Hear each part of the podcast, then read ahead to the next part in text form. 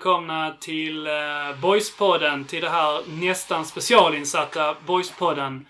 Med mig Jens Wighagen och den eh, otroliga, eh, du borde veta vad en fyra heter, kanske en kvintett. Söker efter blickar här i rummet här. Men vi är fyra stycken idag och det är kul att vara. Så att vi har Gurra här och Böna och Håsan. Herrar, var hjärtligt välkomna. Tack. Tack. Vad heter en fyra? Det är väl en kvartett. Det bör vara det. Kvadrupel tänkte jag på. Man pratar alltså fotbollsspråk. Precis. När man, när man ska vinna... Men är en trio och en om kvintett samma sak? Trio är tre. Men vad är en Ja, kvintett? kvintett. Ja. Kvintett, Är det en femma då? Ja. Det känns inte som en trio Jens. Eh, dumt En om kvintett. Det finns, eh, om det finns eh, olika ord på det. Så. Ja, precis. Det, är- det är vad det är. Jag låter det Eh, vara det är väl kanske inte det viktigaste. Vi, vi är fyra i alla fall. Fina, fina fyran. Och eh, den som är vän av ordning vet ju att det brukar inte vara. För att eh, vi har eh, oerhört mycket interna stridigheter inom, eh, inom podden. Så att vi brukar förhålla isär varandra. Men eh, vi tänker att som så att detta är en liten eh, speciell podd. Det har hänt mycket sen senast. Vi ska ro säsongen i land. Vi ska snacka igenom säsongen som har varit och vi ska givetvis också prata om eh, det som har skett med spelare ut och spelare in också. Och eh, vad som nu har hänt i våran lilla boysvärld. För att eh, det händer, eh, händer saker hela, hela tiden. Om vi avslutar, eller om vi börjar någonstans här i slutet så har säsongen precis eh, avslutas. För min del så kändes det väldigt mycket som att det blev eh, mellanmjölk eh, sista omgångarna. Det var svårt att eh, engagera sig. Hur, eh, hur var er känsla de sista, sista omgångarna? Jag har känt likadant. Jag eh, liksom luften har gått ur sen, sen ett tag tillbaka liksom. Och framförallt de två sista omgångarna har känts som att eh, det får det gärna vara över liksom. För att eh, även om det fortfarande fanns en, eh, ja, en, en mikroskop, alltså det var ju alldeles för stort, stor målskillnad som skulle hämtas hem för att det skulle ens vara möjligt liksom. Men eh, så, så, så man kunde konstatera att det skulle vara så de sista omgångarna så har ju såklart lyften gått ur en. Så att eh, det har varit svårt att ladda om inför matcherna. Håller helt med. Ehm, fick väl någon form av eh, sista andning för mig blev väl ändå när man eh, helt plötsligt eh, ledde med 2-1 mot ÖIS eh, otroligt oförtjänt där uppe. Eh, Innan den klappade igenom där. Um, där vid 2-1 och när HF hade förlorat strax innan så fanns det väl någon form av fortfarande, och fan detta kanske kan gå, att man bjöds till det igen. Ehm, Men därefter så har det väl mer eller mindre varit, varit helt över för mig. Ja, jag kan bara instämma. Det har varit tungt. Jätte, jättejobbigt. Eh, menar, efter, efter sommaruppehållet där så var jag helt säker på att Boys skulle ta, ta klivet upp. Och sista, ah, sista 10-12 matcherna har ju varit fiasko. Och precis som du säger, matchen mot Örgryte. Där kände man att fan, det kan, det kan gå vägen. Men eh, klappar ihop där totalt. Och det, Ja, matchen innan är ju inte, är ju inte bra. Det är ju en kross eh, hemma mot Öster där Boys var 1-4 och det kändes... Ja, Efter det har det bara varit tufft faktiskt. Och störigt när HIF är så jävla dåliga också. Eh, att Boys inte har kunnat göra mer. Ja, för man kan ju prata i um, oändlighet om det här med hur många lag som egentligen bara har bjudit, bjudit varandra på chanser konstant. Att det hela hösten har bestått av det. Att eh, alla har väl säkert, tänker inte bara boys men även, eh, även andra lag som har tänkt att har varit över mer eller mindre. Eh, Jönköping var ju för fan uppe och snuddade ett tag strax bakom boys men uh, höll upp sen precis på att klara sig kvar. Och Trelleborg efter, eh, efter matchen mot oss kände väl någon form av att så nu sticker vi iväg här. Ja. Men eh, de eh, föll ju också bara ihop. Ja. Ja, så det är det som har lite grann varit känslan att eh, egentligen det har bara handlat om att krabbla sig över eh, liksom mållinjen eller den här kvallinjen i, i slutändan. Men eh, Mm. Vi, eh, vi var ju alldeles, vi var ju urusla under, under hösten och eh, det krävdes egentligen väldigt lite för att, eh, för att ro det till ett kval i slutändan. Och, eh, men det, det klarar vi inte. Ehm, så där någonstans är man egentligen. Hur, eh, hur, hur pass nöjda kan ni egentligen vara med säsongen då om man tänker på hur bra vi var under första halvan eller första tredjedelen åtminstone och så som det blev till slut? Alltså första halvan av säsongen är ju långt över egentligen allas förväntningar skulle jag säga. Så att eh, det är en konstig säsong liksom. Uh, hade man vänt på den liksom, så hade man varit, så hade varit otroligt nöjd tror jag. Uh, nu är man nu är det ju med en viss bister eftersmak liksom. eh, Men så jättedålig liksom eh, avslutning. Eller egentligen andra halvan av säsongen är ju fan svag liksom. Eh, Så att eh, en konstig säsong. Vi skulle nog inte tagit så mycket poäng första halvan kanske som vi gjorde och vi skulle tagit fler andra halvan. Ja, det, det är det som är lite konstigt. Det är ju det är ganska lätt att hamna i så, ja men fan om man kollar, här, hade man fått den här placeringen innan säsongen så hade man tagit den och så vidare. Alltså att man, att man eh, klar, någonstans pratar sig till rätta på det. Men jag säger liksom inte första delen av säsongen som att det var, eller till viss del så flög ju boys på ett sätt som man, så bra är man inte. Men, men liksom sett till ändå hur det sen matcher sett ut och varit så tänker jag så fan. Det har inte varit så att boys är mycket sämre egentligen. Alltså att förväntningarna har ändå kunnat ligga kvar tycker jag för personligen. Att, att det fan är rätt många lag som jag tycker vi ska slå som vi inte har gjort under hösten. Vilket gör att jag är, utifrån det landar jag fan ganska besviken till slut ändå när, hur, det, hur det blev. Det var ju rätt, alltså många, de flesta poängen vi tog Ja. första halvan var ju rättvist liksom. Mm. Vi var, vi var tillsammans med varandra med bästa laget liksom. Ja. Fram till serien vände liksom. Ja, Jag, jag tycker att första halvan är ju, är ju boys klart dominanta. Och alla segrar, segrar som jag kan komma ihåg eh, har... Alltså boys var bättre i alla matcher och det vet jag att vi pratade om tidigare också. Statistiskt var boys överlägsna. Eh, det som... Det jag tycker problemet är, eller det jag tycker att boys gjorde fel, det är att man inte höjde sina, sina förväntningar på säsongen när man efter, efter halva säsongen ledde. Och fortfarande var lite töntigt att nej, men målet är att vi ska stanna kvar. Och jag vet inte, hade man haft en annan inställning och ett annat mål att ja, innan säsongen såklart målet skulle vara att stanna kvar. Men nu inser vi att vi är så pass mycket bättre. Vi har ett spel som, som verkligen passar i denna serien och vi kan spela ut motståndare efter motståndare. Nu är det fan dags att, och, att ställa högre krav. Det är inte så att det är en katastrof om vi inte lyckas. Men det hade det känns ändå lite så Tror du inte nu. de hade det internt då? Att de faktiskt alltså, gjorde det? Jag tror de rullade på med samma mål internt också? Det, nej, det, det, det är klart att man säkert har, har höjt målen. Men Men om du inte har mål riktade utåt Nej. så, så har det, är det ändå liksom lätt att inte förhålla sig till de interna Precis. målen. För att det, det du kan tror jag sitta hur kaxig som helst i ett omklädningsrum. Om du ändå ser, har en tränare som, som liksom säger till media att så, vi är jättenöjda här om vi kommer sjua. Eh, Och eh, liksom för att vi har varit så himla Mm. duktiga redan innan. Men är det inte det de har jobbat med någonstans hela tiden? Även i division 1 också? Att eh, nej, vi skulle inte gå upp liksom. Vi var ett nytt lag och så. Mm. Att, Ja, att men- sen inåt visar sig att de ändå har haft rätt mycket högre ambitioner. Liksom. Kanske, men varför, varför, varför riktar man inte det utåt då? Eh, Det är väl, alltså tänker falla är, det, i är det feghet? Alltså är det räd- rädsla att misslyckas? För att egentligen så borde det Men- finnas i... eh, det, det känns ju inte någonting som borde ligga i Billy och Max natur. Det känns inte Nej. riktigt som det ligger i, i spelartruppens... Det hade, känts, det hade känts bättre ur ett supporterperspektiv om man hade ingjutit lite mer tro och hopp på det. Lite mer mod. Att vi ska, fan, vi ska, vi ska försöka gå upp här. Vi känner att vi är tillräckligt, bra. Problemet har ju varit, och pro- problemet har ju varit att boys har varit usla på bortaplan. Det, är- det är tur att, att boys har varit så bra hemma. Tvåa i, i hemmatabellen och sist i bortatabellen. Det är ju... Hemma borta. Hemma, ja men... Många minuter tog det? Ja, nej men det jag tycker... Nio. Nej.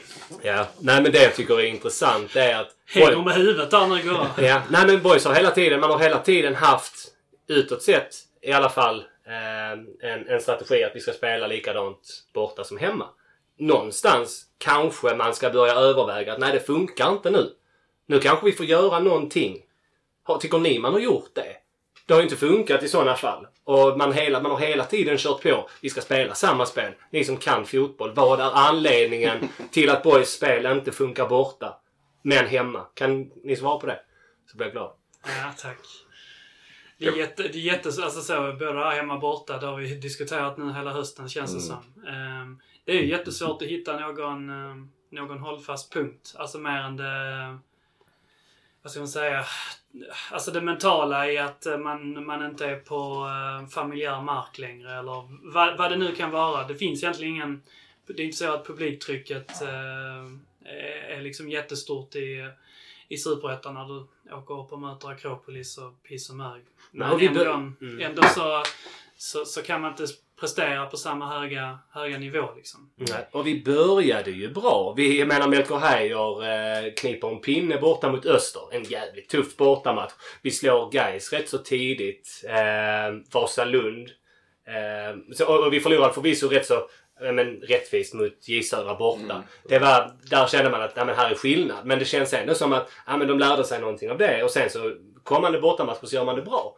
Det är ju återigen sista halvan där det verkligen, där de verkligen har klappat ihop. Man har lyckats. Det är precis, jag tror det var, jag vet inte om det var Brage, vi krigade oss till en, en seger hemma. Som, du vet, det var ingen skön fotboll som det var under första halvan. Men vi tog ändå poängen hemma. Men borta har det varit uppgivet. Borta har vi inte haft något riktigt och Visst, Trelleborg är en jättebra match. Det är ju ren otur. Eh, att, och liksom lite oskärpa och allt vad det är. Det vill jag inte riktigt säga. Men för där gör ju Boys faktiskt en väldigt bra bortamatch. Och frågan är... vad Trelleborg och till viss del eh, alltså i Helsingborg tänker jag att Ja, de, absolut. De, kan, de, de kan prata om att de Ja. gör en ganska okej Ja, Och även Örgryte i andra halvlek. Även om, ja, på det stora hela nej. Men det var, det var lite så. Men ja, HF borta är ju bra. Ja. Men utöver det så är det som du säger, det är ju inte, det är inte en match som man känner att de har kommit upp i någon form av nivå. Liksom. Och slutet har ju varit, det har varit sorgligt att se. Det sista kvarten mot Eskilstuna när man gör, gör något, någon form av försök känns det som. Men Mm. utöver det så har det varit, eh, ja, men det har varit liksom rättvist att de, de inte har fått någon poäng med sig någonstans. Men om, om, om du, eller om, om någon av er hade varit tränare. Vad hade ni gjort? Vad hade ni förändrat då? Vad hade ni sagt till spelarna? Jag kan ju vara ärlig och säga att jag, jag har inte vetat. Men det- alltså en annan sak jag tänker på. Det kan ju vara så också att man pratar så här underlag och byta från IPs gräsmatta som i och för sig har pendlat men på något sätt Boyspelarna är väldigt, eh, väldigt vana vid hur den fungerar och så här, och kan ju spela med små marginaler trots att planen kan variera. Medan andra lag inte klarar av det och kanske liksom får, eh, får spela eh, ett spel som de egentligen inte känner sig trygga med. Eller när de försöker spela så, är vi, så vi, har vi ofta vunnit boll ganska högt upp med vår höga press och så vidare. Men medan om du kommer åker upp och det blir september, oktober och så, så, så spelar inte underlag så stor roll längre för att de flesta spelar på en konstgräsplan och då, då kanske det helt plötsligt inte kan få samma nytta av din höga press heller. Ehm, eftersom att du, du tar bort lite grann av eh, faktorn som mattan spelar. Så det kan ju också vara en av anledningarna till att vi inte kan, vi kan liksom inte strypa motståndarna lika högt upp. För att eh, mattan samtidigt med avsaknaden av eh, liksom lite, lite tryck ifrån publiken så gör också att vi blir trötta, vi blir lite Eh, vi blir lite orkeslösa i vår press också. Och det är ju en viktig del. Vi spelar egentligen inget, jag upplever inte egentligen att vi spelar ett jättebra organiserat försvarsspel, så utan vi, vi är ju ett högt pressande lag. Med breda yttrar och eh, liksom en hårt arbetande nia. Som, som försöker vara jobbiga högt upp, försöka vinna högt upp. Eh, när vi inte lyckas med det så är det inte så att vi per automatik är ett jättebra försvarslag egentligen. Även om vi släppte in ett litet mål i början av säsongen. Nej, det hade väl... Jag vet fan, jag har svårt att sätta fingret på det också. För det känns inte som att det är så, man har inte fallit ihop i en massa matcher på bortaplan. Att det liksom handlar om någon form av trötthet. Att man liksom har tappat efterhand. Att det har blivit för jobbigt. Utan det har bara varit alltså, plattmatcher rakt igenom Mm. många gånger. Att eh, de har aldrig kommit upp i någon form av nivå. Nej. Ehm, så jag tycker, äh, på din fråga, där går jag från första början. Jag tycker att det är sjukt svårt att sätta fingret på. Så det, Fille var inne på det på senaste podden. Eller pratade om att det handlar om någon form av mental grej. Mm. Ehm, Men sen är det väl också liksom, alltså, som du dels är inne på, att man inte får ut mer, mer av sin press och hela den biten. Men samtidigt om man då spelar så himla bra första halvan och sen börjar det bli motigt, kanske framförallt där kring de dubbla derbyna.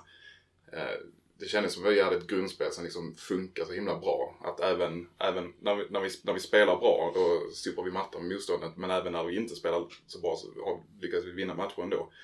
Och då, när det väl då börjar gå mot resultatmässigt, är det är första... Ska man gå in och göra liksom stora förändringar från början eller ska man försöka liksom hitta tillbaka liksom? Alltså, så jag, jag, jag är inte säker på att så här stora förändringar eller, eller förändringar förändring i målsättning och sådana saker, jag vet inte om det spelar så stor betydelse? Eller om, Nej, det, eller om det- det är rätt väg att gå? Det liksom? tror inte jag heller så generellt. Jag tror inte att väldigt, väldigt, väldigt få tränare på, på hög nivå eller med någon form av eh, eh, liksom högre självbild eh, liksom jobbar med någon typ av att man ändrar mycket i sin formation eller spelsätt eller spelidé eller så här. Utan de flesta har ju en någorlunda formulerad idé av hur man ska formera sitt lag och hur man ska agera utifrån vissa givna specifikationer. Jag, jag tror jag har nämnt det vid något tillfälle, men jag vet att jag vet att jag i, i, någon gång hörde Brennan Rodgers prata om det och jag kommer ihåg att han sa att plan, plan B måste vara att få igång plan A. Och det var hans tränarfilosofi. Eh, och det tror jag är, är, detsamma, som jag sa egentligen, för väldigt, väldigt, väldigt stor andel av tränare i någon form av elit egentligen i hela, hela fotbollseuropa skulle jag anta. Så att, även om man kan som supporter liksom tycka att man borde liksom spela mera procentfotboll eller vad man ska kalla det och liksom mera bara... För att egentligen så är det ju klart så att boys ska ju inte liksom förlora, vad förlorar vi kanske nästan tre av fyra matcher nu under, eh, under hösten. Eller åtminstone liksom förlust eller oavgjort. Och det är klart, så dåliga var vi inte även med våra skador. Spelartruppen vi satte upp på plan var inte så pass mycket sämre att vi liksom ska vinna en av fyra. Om man kollar liksom på motståndarna. Så att egentligen, liksom, i, i en rimlig värld så hade vi ju inte förlorat så många matcher, precis som vi inte hade vunnit lika många. Vi vann tre av fyra på, på våren och så förlorade en av fyra på, eller vann en av fyra på, på hösten. Och inget av det egentligen eh, kanske vårt snittvärde. Ja, jag tänker det blir väl också så, det märks ju, eller ju mer säsongen lider också tänker jag, så blir det väl ännu tydligare att boys liksom Alltså, det har väl man har pratat om redan sedan de gick upp liksom, det var jättemycket snack om det men det blir väl kanske än tydligare att det är liksom en form av lag som ändå har gjort det här och som, som när det här laget då blir lite mer synat och, och motståndare möter dem utifrån andra premisser någonstans så, så, så kommer man så långt man kommer som ett lag. Alltså möter du tillräckligt bra spelare någonstans som vet eller mer har börjat få rätt på hur du, hur du spelar. Så liksom, ja, men då, då lyckas du kanske inte precis allt det du har lyckats med innan. Jag tänker för, för det som jag mest har varit med liksom, med bortaspelet under hösten. I de flesta matcher har det varit att man har skapat otroligt lite. Och där tänker jag så ja, du kan, du kan försvara dig igenom liksom som ett lag någonstans utan att släppa till jättemycket. Men offensivt så ja, du kan ha dina kombinationer, du kan möta, du kan kontra på ett visst sätt där du vet precis vad du ska springa med eller mindre. Möter du lag som, som möter dig utifrån andra premisser och inte alltså, är mer skärpta för man vet att det är detta blir en jävligt tuff match, vi behöver vara fullt fokus hela tiden, vi kan inte släppa någonting. Då, då kommer det liksom krävas mer individuell skicklighet Mm. någonstans. Alltså det kommer krävas, alltså det är det som behöver spelare som, som kan göra någonting annorlunda, ställa till med någonting. Tycker du inte vi har egentligen alltså underlaget?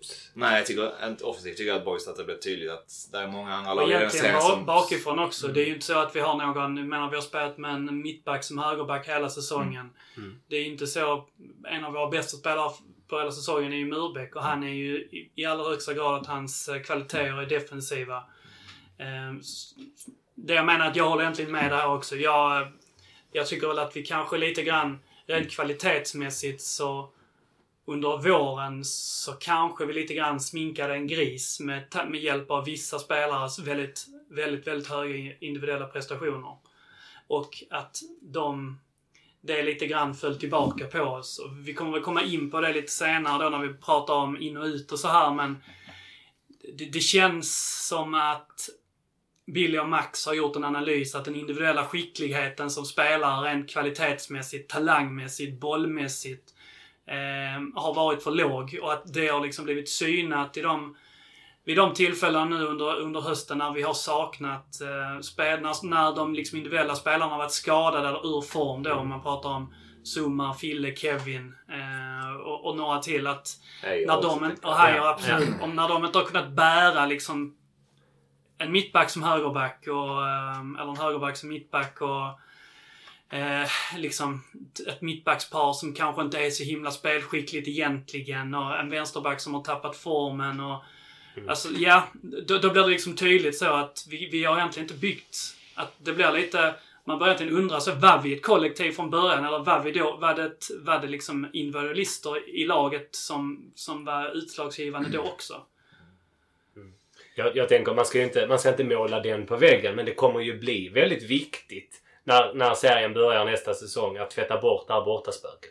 För två, tre dåliga bortamatcher så... Och man, man kan ju någonstans ändå förvänta sig med tanke på att det är en, ändå en rätt så stor omorganisation i klubben och mycket nya spelare in. Att det kan nog bli, det kan nog bli tufft. Det kommer nog inte bli samma sprudlande start, tror jag. Och jag tror det kommer bli viktigt att tvätta bort som sagt det här bortaspöket. För att någonstans, nu när man summerar säsongen, en sjundeplats är ju jättebra. Men man, om man tänker att Boys faktiskt verkligen överpresterar första halvan. Hade Boys spelat, hade Boys varit lite sämre så hade vi krigat i botten istället. Eh, nu när vi summerar säsongen. Mm.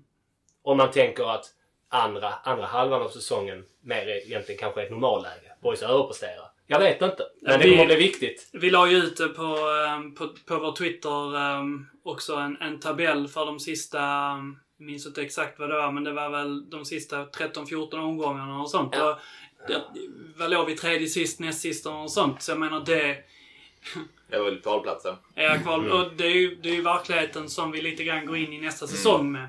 Eh, eftersom att, eh, som vi alla vet så, eh, alltså, spelare kommer ju försvinna, spelare har försvunnit och spelare kommer att försvinna och spelare kommer att komma in så. Men det är klart att man inte har någon, eh, man inte just, just här och nu vet, eh, vet vilket boys som kommer, kommer stå på, eh, på banan 2022.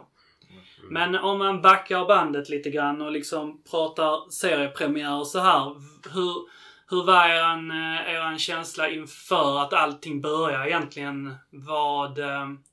Hade ni någon tilltro? Hade ni förväntat er en tight bottenstrid och eh, långbollar till sommaren? Eller hur, hur såg er, hur såg eran eh, tilltro ut? När man kommer säga någonting och sen så är det någon som kommer slå en på fingrarna som har lyssnat på det avsnittet som spelas in inför premiären. Man förmodligen tyckte precis annorlunda då. Ehm, Ja, för jag, jag satt och sökte efter nu. Lite svårt att komma, komma ihåg faktiskt fan man väntade sig. Um, inför premiären så var det ändå Värnamo tänker jag också där man hade just den matchen specifikt så, så var det väl, ja de har ju mött ganska många gånger. Ehm, man visste lite vad man fick. Att, Vilket så. storstryk av dem på hemmaplan. Så Ja, så- Ja, 1-4 va? Precis, precis. 1-0 i paus, sen så smällde det. det får man säga. Ehm, men um, jag var rätt säker ändå på att man skulle få se samma boys som man alltid har sett i division 1 ändå. Det var ju liksom aldrig någon fråga om att det skulle bli någonting annorlunda. Uh, men rent uh, så här, tabellmässigt, jag kommer fan inte ihåg alls liksom, vad, jag, vad jag egentligen förväntade mig inför säsongen. Jag försökte hålla förväntningarna ganska låga men Ja. gick samtidigt och hoppades liksom att att, för att vi, vi avslutade liksom säsongen tidigare så himla bra. Liksom, det. så att det kändes som att ja, men vi kan nog överraska lite men jag skulle inte våga liksom sticka ut hakan och säga att vi, att vi gör det riktigt. Det kan man inte jag heller ihåg vad sagt i det. Men jag vill minnas att känslan var lite det där.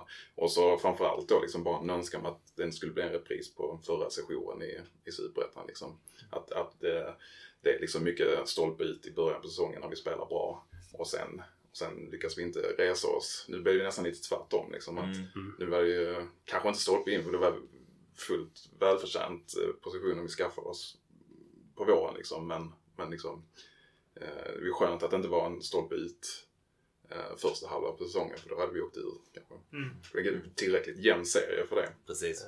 Jag var optimistisk, vill jag minnas. Det kanske jag ligger i min natur när det kommer till boys. Men jag har för mig att jag var rätt, op- eller jag vet att jag var optimistisk. Tror.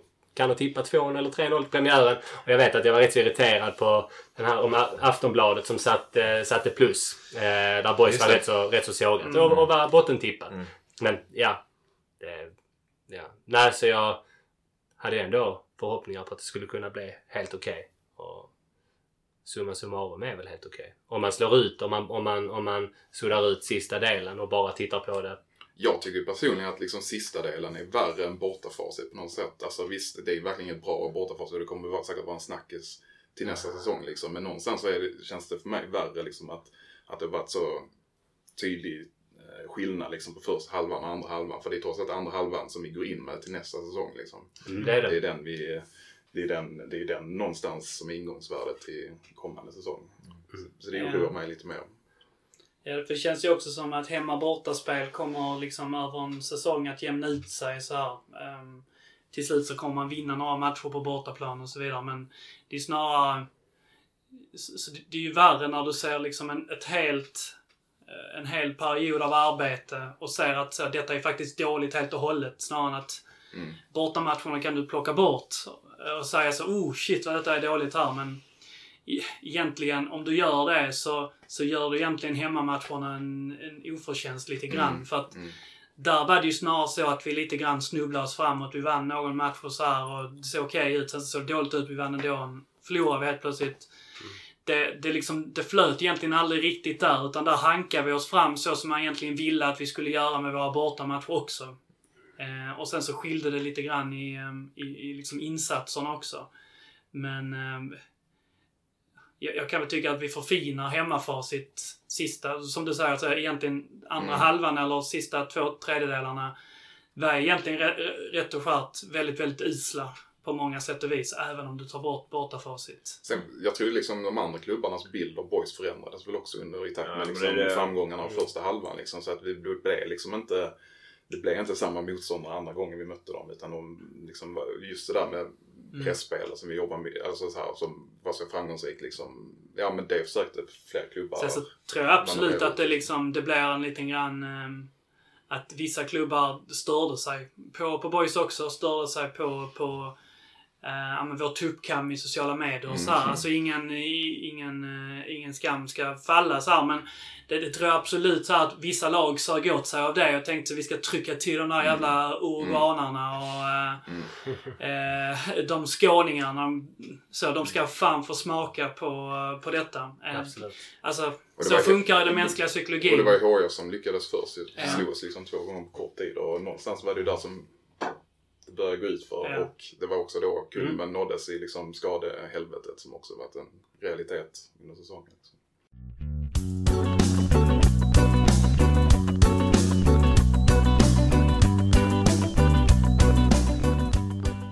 Vem eh, är säsongens utropstecken eh, för er?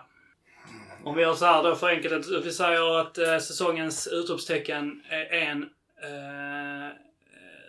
utmärkelse och årets spelare en annan där så eh, man kan vara samma om man vill men behöver inte nödvändigtvis vara det heller. Jag, jag tycker ju någonstans, visst här är också lite skadehistorik men om man tittar på förväntningarna inför säsongen och hur mycket denna spelaren spelade förra säsongen så tycker jag Melker Heier går in och i, stundtals dominerar i Superettan faktiskt och i, i vissa matcher är, är helt avgörande. Ehm, visar prov på så verkligen på en helhet trots sin ringa ålder och ett lugn och en spets. Och verkligen ja, men, verkligen en internationell karaktär tycker jag i spelstilen. Um, sen, precis som Boys blev han drabbat av, av lite, lite formsvacka i slutet.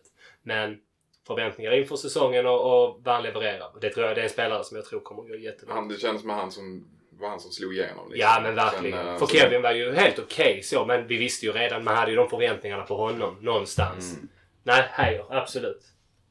Ja, och, ja, bästa boysar kanske eh, sett hela säsongen kanske jag håller kanske Murbeck högst. Summa var otroligt bra. Men jag eh, är inte särskilt nöjd med honom under, under hösten liksom och hans eh, frånvaro och hela den biten. Så det är lite smolk i bägaren för mig. Så Murbeck kanske är den jag ändå håller, håller högst under Som säsongen. säger, någon som har levererat under hela säsongen som egentligen aldrig varit dålig så är det ju, det är ju Murbeck liksom. Mm. Så som, har- det, alltså, som varit bra genom hela säsongen. Det finns ju ett gäng som man skulle kunna plocka under, under våren som verkligen så stack ut. Jag tycker du var inne på Zuma och även Vilas då som var superuppsnackad liksom. Mm. Som var hur bra som helst under våren. Tappade ju sen också lite. Var ju med i eh, så- Ja vårens precis, lag. vårens lag och så också. Exakt, exakt.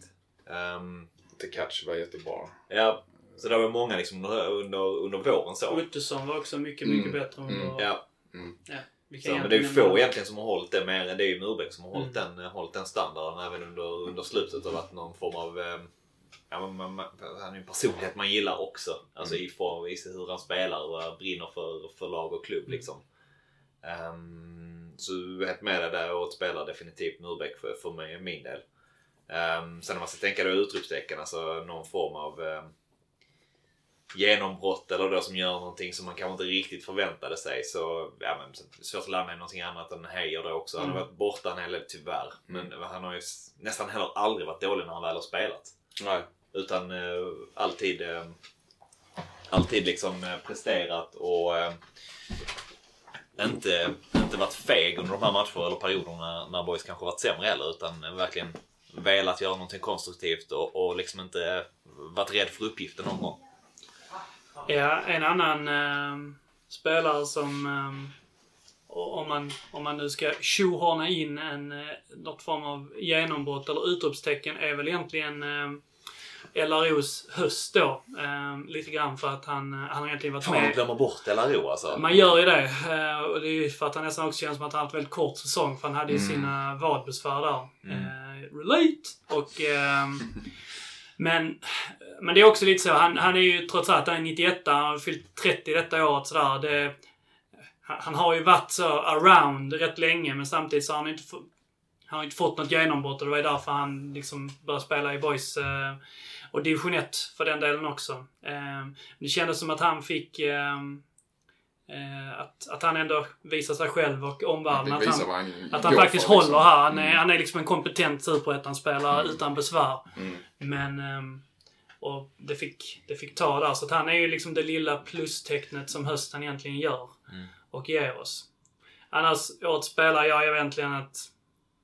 Även om det är många, som du säger, Håsan, som, som har en liten negativ smak i munnen nu på, på Zuma efter hur, hur um, det verkar bli här nu i slutändan så... um, så var han ändå så pass uh, grym i, i mina ögon under, uh, under våren där fram tills han blev skadad att, uh, att han ändå blir, blir en spelare för hans topp ehm, var så pass mycket högre. Och väldigt, väldigt mycket hävdar jag fortfarande av förfallet kom av att, eh, av att eh, Sumar inte liksom var med i, eh, i kakan längre heller. Nej, som enskild spelare har han betytt mest för, eh, för Boys bra period under säsongen. Liksom. Eh, och det är fler spelare som har eh, inte presterat på samma höga nivå när han i hans frånvaro. Alltså Ottosson är väl tydligast kanske. Liksom. Så att det, jag håller med liksom, högsta nivåmässigt så är, är Summa den som har betytt, betytt mest och varit bäst. Vem, eh, vem är eh, det lilla negativa utropstecknet? Vem är besvikelsen detta året? Jag, jag måste säga målvakterna. Både framförallt eh, framförallt Kadu har ju kostat... Tar man bort några av de tavlorna så kvalar vi. Om, om vi tittar på det rent krasst. Det kanske är divigt att säga. Men och Svante, ja, men han hade någon bra match så. Men där är ju för många misstag i dem. Det tycker jag är helt uppenbart. Eh, och inte minst mot HIF i båda matcherna så är det ju en supertavla och ett rätt så tveksamt ingripande. Ehm, så Målvakterna? ja, Mm. Det tycker jag. tycker du?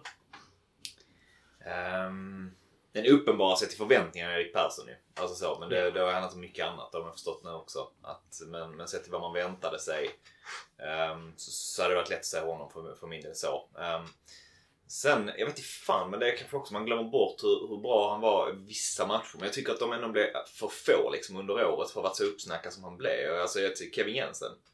Skulle alltså, jag, det känns lite, lite som att svära i kyrkan på något sätt. Att han eh, alltid får ros liksom var han än går.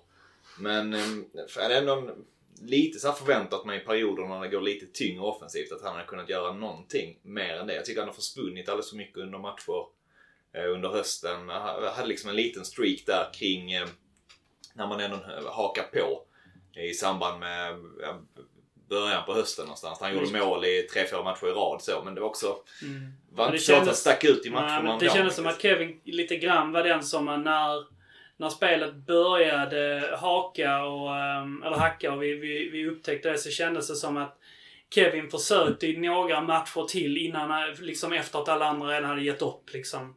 Och sen efter det så föll han ner också och liksom ham- hamnade på samma låga individuella eh, insats som merparten av hans lagkamrater gjorde också.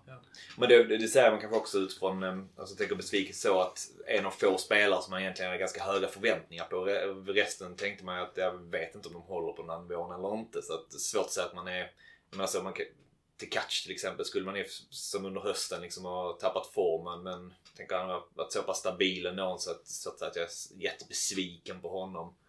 Ehm, Jag känner ju lite så med Filip Olsson också. Jag tycker det känns lite halvorättvist att vara besviken. För. Och jag är ändå besviken för jag tror att han har, han har nog varit väldigt frustrerad också under långa perioder. Men, men när man gick in i säsongen så hade man tänkt sig att han skulle haft en mer eh, betydande roll. Eh, eh, än, vad, än vad han hade. Även när, vi, även när, det, när laget gick bra tyckte jag han var en sån spelare som försvann ganska mycket också.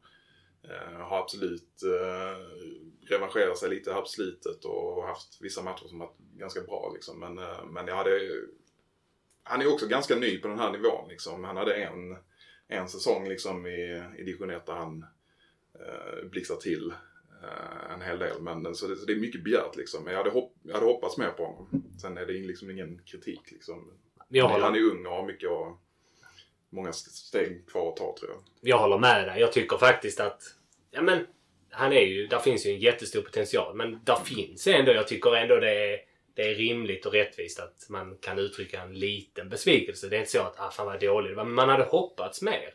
Det jag kommer ihåg honom det är ju frisparksmålet mot EDTFF och sen så mm, nu senast eh, drömträffen. Men han, han har inte... Alltså, han var ju väldigt bra förra säsongen. Det kändes som att han gjorde lite vad han ville. Och gick på genombrott väldigt mycket och kändes överlägsen. Eh, man hade helt enkelt hoppats Men jag mer. tycker så, man ska säga, han själv, jag tänker när vi, när vi träffade honom i vintras, han satte ju själv rätt så höga, så höga krav på sig själv utifrån att han vill vara den som är utslag, alltså utslagsgivande i Mm. matcher som står och väger. Det är ganska sällan som han har varit det under Ja. säsongen. Även om jag tycker att han... Ja, men jag håller med i det såklart. Han, jag hade hoppats på mer, definitivt. Um, tycker sen samtidigt att han alltid har varit den som har, har drivit liksom Absolut. och försökt få till saker. Ehm, Han hade ju en, han hade ju en lite tuff första del Ja. på, i division 1 också på sin första säsong. Jag trodde att det skulle komma lite snabbare. Men jag, jag menar, det är ju inte så att han har blivit dålig. Där är fortfarande Nej, jättehög potential. Och där finns ett jättefint, eh, en, en, det är en jättefin potentiell framtida försäljning. Jag tror definitivt att nästa säsong kommer han växla upp och bli, bli mycket bättre. Och ja men det, det är någonstans ändå för vissa en, en akklimatiseringsfas. Och vissa behöver lite längre tid på sig. Så är det. Eh, Det är ju ingen alibi-spelare utan det är faktiskt en spelare som försöker väldigt mycket. Så han tränar ju på det han som vill vara bra på och utsätter sig hela tiden. Sen, det kommer komma. Det är jag övertygad om. Har du som en besvikelse Jens? Ja, men jag tänkte egentligen bara bolla upp den. äh, Är ni besvikna på Dennis Olofssons säsong? Eller är, har man så pass, har man liksom vant sig vid att han, att det, det inte är några kvaliteter kvar i det? För att det kan jag känna är en av spelarna som egentligen har haft alla möjligheter till att uh, ha en bra säsong. Vi spelar ett väldigt ytterbacksvänligt uh, spel. Vi har liksom inga yttermittfältare egentligen som tar på ytorna. Vi, ytterbackarna förväntas löpa upp och ner. Han, han är egentligen en spelartyp som eh, ska vara bra på det vi gör. Han är inte gammal. Han är 94 tror jag. Eh, liksom 26-27.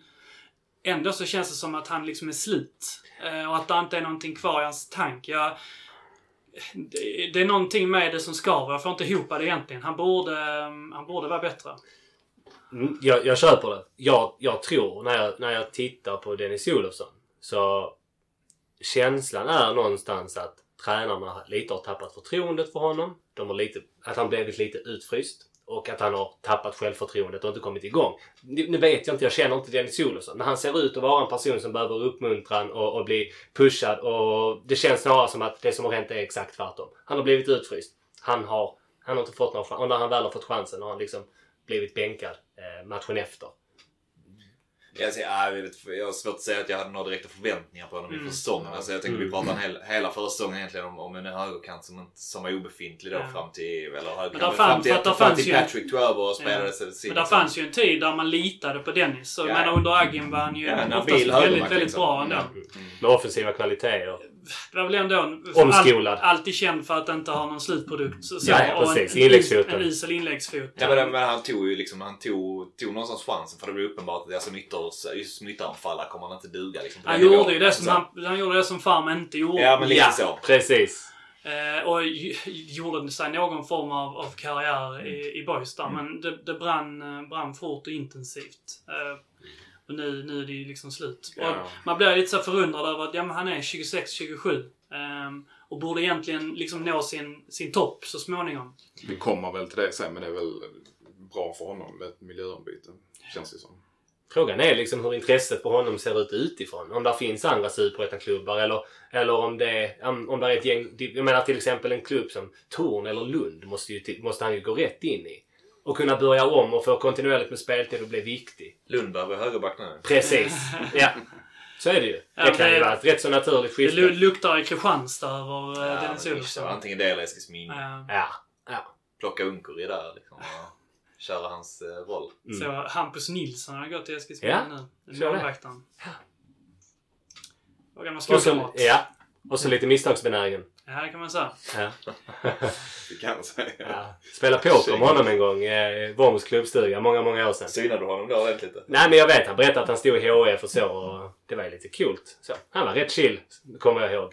Men... han, eh, han, gick ju till, han gick ju till Boys eh, som, eh, som Mm. 16-åring. Och, ehm, och eh, påbörjade ju liksom ettan, eller vad man säger, eh, ja, med mig och Böna. Och gick fotbollsgymnasiet med mig eh, där första terminen och så. Men han... eh, Jag minns inte turerna, men han gick ju till HF istället. Eh, egentligen mitt i allt. Han gick ju till U-laget i, i Boys när det fortfarande var en, eh, en fing. Eh, men eh, stack sen. Och var U-landslagsmålvakt och sådär. Eh, Mm. Blev en helt okej. Alltså ändå en skaplig karriär när man... Eh, Fet karriär att Summerar. stått, eh, stått i Djurgården och stått i Falkenberg, Mjällby, Trelleborg nu i slutet då. Ja. Brände ut. Men eh, är... eh, Vad är årets händelse för er? Vad, vad tar ni med er? Så, vad, är den, vad är den lyckligaste stunden för er? När mådde ni som bäst? Uh, Trelleborg är hemma. 4-1. Ehm, Vi har eller, eller för jag, bl- jag blandar ihop de två, Trelleborg och Sundsvall. De flyttar liksom ihop. De trädde Ja. med loppet om en vecka. Man Ja, Vilken match var det vi hade uppladdning? Det var Trelleborg. Det var Det är Trelleborg. Trelleborg. jag, exakt. Ja. Då mådde man. då... ehm, Ja, men fan man flög då. Ehm, och det var liksom... Uh, uh, sommar. sa det, liksom, men det var sommar men, men allting, eh, allting var möjligt där och då. Det var liksom den känslan man hade. Um, som... Inte, bara flög. överlägset fetaste matchen. Vi, var i, vi, vi satt ju på, det kanske man inte får säga på det, men vi satt ju på pressläktaren första halvlek. Andra halvlek var vi i vippen. Mm. Pimpla bärs. Bevittnade Filip Olssons frispark. Med Ja. 2,3 i kroppen. Det var ljuvligt. Det var ett jävla firande bakom Ja, det var det. Ja, det var riktigt. Fan vad jag tuggade med folk. Alltså jag såg typ ingenting förutom det målet. På andra halvlek. Det var också trevligt. Det är väl, eh, är det från den matchen som, eh, som, eh, som bilden med Hoffa kommer, kommer ifrån? Eller Ja, det är det. Det är det nog. Vi gick ju på... Var det, det var inte där vi gick på presskonferens? Berätta. Deras tränare blev väl lite... Jag bara ifrågasatte varför han var så dålig på sitt jobb, men... ehm, det tycker jag var legitima frågor med tanke på hur vi hade spelat ut dem där under 90 minuter. Ja. Eh, ja, precis. Du... ehm, Jag skulle in där Ja, men jag fastnade med. Hoffa. Ja. Och, eh, jag, tidningen skulle väl fota och prata men jag, gav inte så, jag gav inte honom en syl i världen. Jag kom med på bild. Jag vet inte om den syntes. Det gjorde den nog inte. Eh, ögonen stod åt varsitt håll. Nej, det, det ligger ju en klassisk bild i sociala medier på dig. Är det så? Nej, den har inte jag sett. Det måste jag, den får vi fan visa. Men alltså Håkan, eh, fotograf Ja, Håkan, precis, Den, ja. eh, Hans, eh, har du inte sett Finns- den bilden? Nej, jag har inte sett Skojar är den. det så? Det är sjukt. Den är, Va? Jag har till och med skaffat Twitter men jag använder jag vet inte riktigt. Jag vet inte hur det fungerar. Ja men typ. Gammal är du? Ja, kolla. Åh fy fan vad fin. Hoffas eh, så här drömska Ah. ögon. eh, Mm. Ja, fan vad dåligt att man inte förlänger Hoffa. ja, det var en julebild har jag inte sett. Den får du rama in. Ja, det får jag. Det var, det var kul att se. Bättre sent än aldrig. Men definitivt en period. Liksom, de två matcherna var Ja. Det var ju peak boys denna säsongen. Man hade ju, förutom att jag, jag köpte upp hela min häl då i, en, eh, i, i, i någon form av dörr, så hade man ju en jävligt fin... eh, Det var en jävligt fin sommar där fram till, ja, fram till det ungefär. Men... Ehm, eh, alltså, sommaren var god och det var, det var EM och så här, boys flög som in i helvete. det, det var ju en god tid. Alltså en bra stund på jorden. Faktiskt. Ja, det är väl eh, alltså så, ska man säga med rätt matcher så är det väl då och sen eh, efter Gais borta. Den 3-1-segern. För då, Ja. Gais hade varit jävligt bra fram Lite till grann Melkers Ja, genombrott där verkligen så. också. Man, man liksom fick någonting annat där. Ja, men man såg detta, wow, detta är någonting Ja. liksom. Vad Ehm, hände? Ja, men jag kommer ihåg att jag bara i den, jag tror jag sa det i någon podd då också, men ville bara konsumera boys. Jag ville inte göra någonting annat med mitt liv. Jag ville bara konsumera hela tiden. Ehm, att, eh, ja men där och då fattar man att det var, det var någonting speciellt, eller kunde bli någonting speciellt.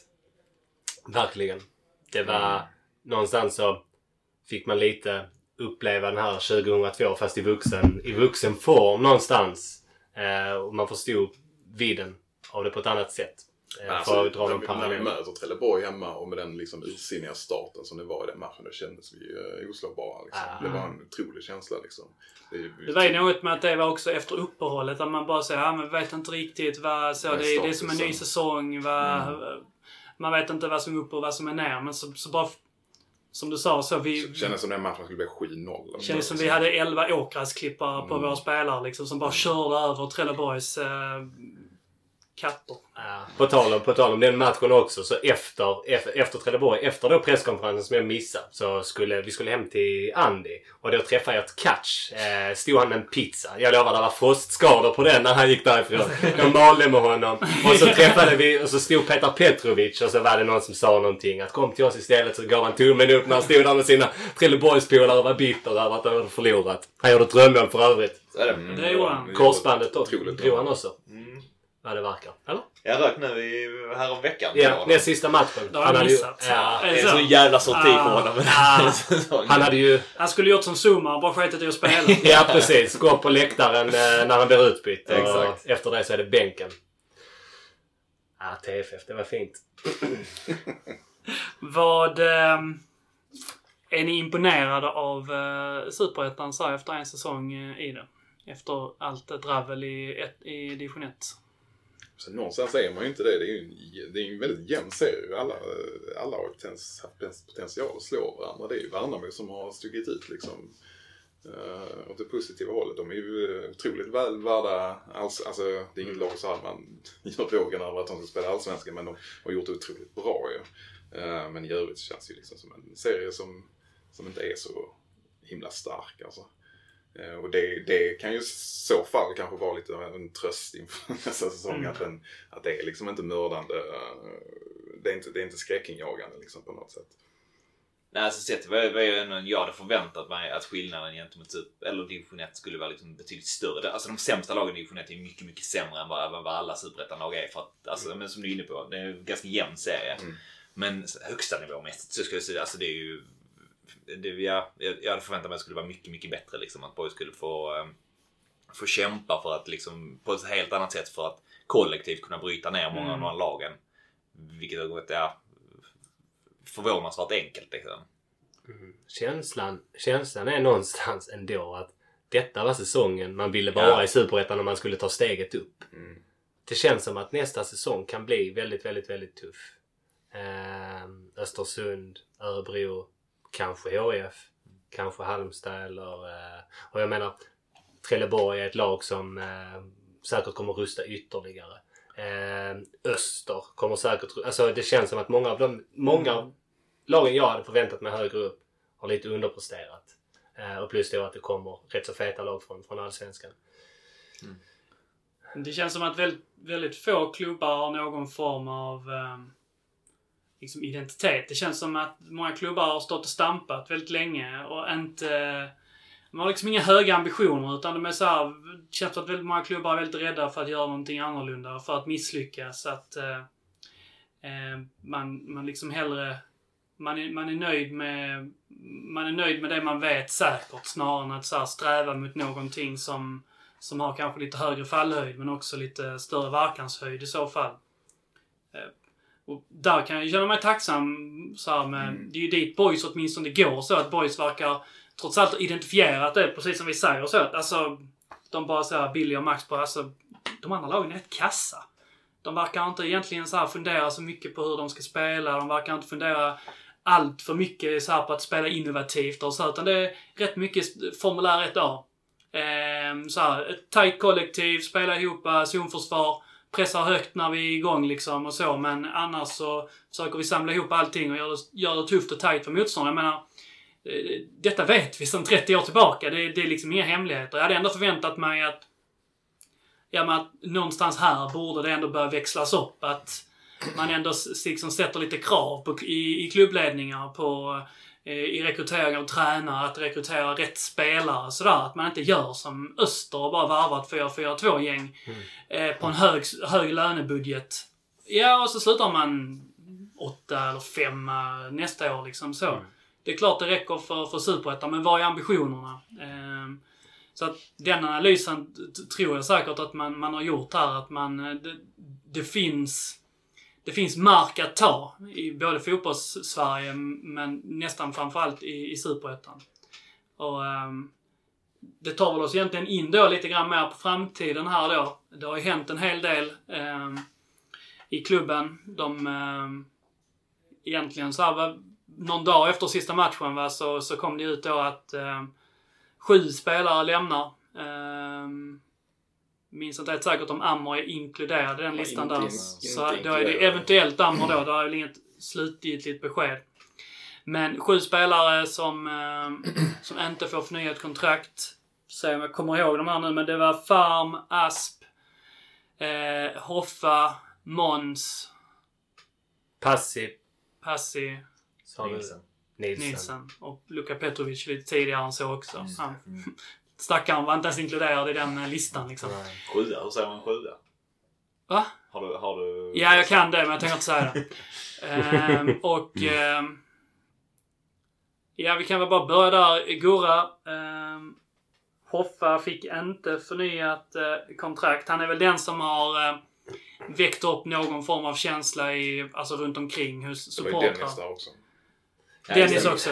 Eh, precis. Men Hoffa är väl den som folk lite grann har varit lite upprörda över, eller om man kan använda det ordet. Va, antar att du inte har varit jättelycklig över beslutet. Nej, det handlar, inte, liksom, det handlar inte om att jag är partisk eller så här, att jag är, att jag är bästa polare med Hoffa. Det är jag inte. Inte alls. Men jag tycker att... Jag tycker faktiskt... Jag, jag Du tycker, vill va? Ja. ja men det, det är klart.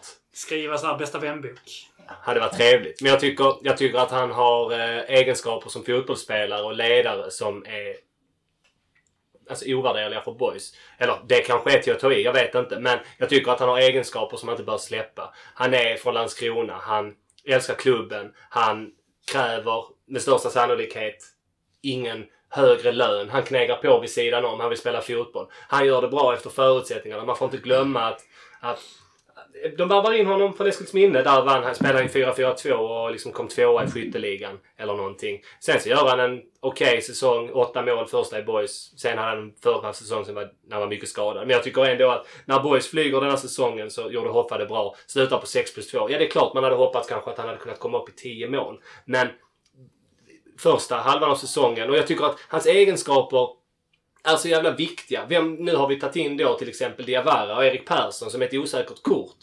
Vem, vem kan vi förlita oss till? Där uppe. Jag tycker att Hoffa med sina ledaregenskaper och sitt pressspel och sin attityd. Han är fortfarande ung. Vad är 93 94? Att de, gör, att de inte erbjuder honom ett kontrakt, det tycker jag fan är dåligt. Jag tycker det är under all kritik. Jag förstår faktiskt inte det.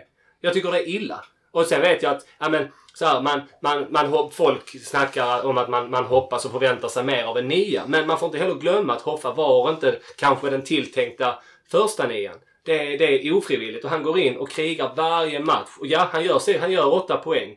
Han, men han bidrar till väldigt mycket fler mål. Det är väldigt mycket, det var faktiskt en del mål i början på säsongen som kom i, i hans press. I hans sjuka, idiotiska löpningar som ingen annan hade tagit. Jag tycker det är fel. Det hade varit, det hade varit för att ja, man läser ju på deras hemsida de här kriterierna och jag vet inte, jag har inte skummat igenom. Men det hade varit skönt att få en, en ordentlig förklaring kring varför man inte förlänger Hofsa. Är det, är jag vill gärna veta. Handlar det om att inte han vill? Handlar det om att han har, att han har ställt orimliga krav? Vad beror det på? För att utifrån de egenskaperna som jag uppfattar att boys eftersöker och den identiteten man vill ha så är det inte rätt att inte ge honom ett kontrakt. Det tycker jag. Men H- Håsan, du eh, bollade upp en liten eh, teori här innan eh, där han lite grann faller offer på grund av att Erik Persson sitter på ett, ett år till där. Ja, men jag, ja, så jag bara lyfte liksom om, om situationen hade varit annorlunda. Alltså tvärtom. Att eh, Erik Perssons kontrakt hade gått ut nu. Då tror jag liksom inte han hade fått ett nytt. Och, och då hade... Och, och Hoffa då hade haft kvar. Då hade han stannat kvar. Även som hade haft kontrakt nästa säsong. Så jag tror, jag, tror, Tror tror du kanske att att det om kan, man... kan vara så. Om, vad tror du om, om till exempel då Erik Persson och Hoffa hade suttit på utgående kontrakt? Tror du i så fall att man hade... Att man hade känt sig nöjdare då med att plocka in Diawara, försöka liksom leka med tanken att han är stående nia och eh, att man då har Hoffa som backup. Det är ju inte otänkbart. Alltså Erik Persson, vi vet ju inte om han... Alltså det har ju varit en jäkla freak-säsong för honom ju liksom. Allting har ju gått emot honom. Så det är ju det är helt omöjligt att värdera, värdera honom just nu. Mer än att det är väldigt, väldigt osäkert liksom. Eh, så det- det är svårt att spekulera. Jag, jag är nog inne på att liksom faktiska poängen liksom har varit för lite från Hoffa. Jag älskar Hoffa. Alltså jag, den inställningen så som han liksom står upp för klubbmärket liksom. Alltså det, det, det som du säger Gurra, alltså det, just den biten växer liksom inte på träd. Men, men, Nej, just men, men just sp- spelaregenskaperna känner jag att, att Han passar bättre i öster. Ja, men det, ja, ja. kanske, men, men också att det är liksom inte, vi, vi, vi, måste ju testa andra saker till nästa säsong och, då, och hans kontrakt går ut. Ja men det kanske är en rimlig väg att gå det här ändå. Kan, kan jag känna. Men, men det tar emot att säga för jag Ja. tycker jäkligt mycket om honom. Jag Jag tycker, tycker han har gjort en bra säsong. Det, tycker jag också efter förutsättningarna. Och jag menar om man tittar på risk-reward. Att förlänga honom, att ge Hoffa ett år, samma lön och han spelar. Vad har Boys att förlora på det? Ingenting. Det är hål i huvudet. Men Ja. om, man, om, man, om man leker då med risk reward, säger att man, eh, man ger det kontraktet till Diawara istället. Du har bara... Du kan antagligen inte bära tre stycken nior i, i den här truppen. Persson kan inte spela på någon annan plats. Nej, kan Hoffa inte. kan inte spela på någon annan plats. Nej. Diawara eventuellt hade kunnat spela på någon annan plats, men han är ju varvad som nia. Han, precis, han är varvad som nia, Kan man här- men kan, kan- spela på alla eh, Kan, offensiva. kan man inte då motivera för att du, du har en högre risk reward på att eh, faktiskt plocka in Diawara? Jo, kan, nej.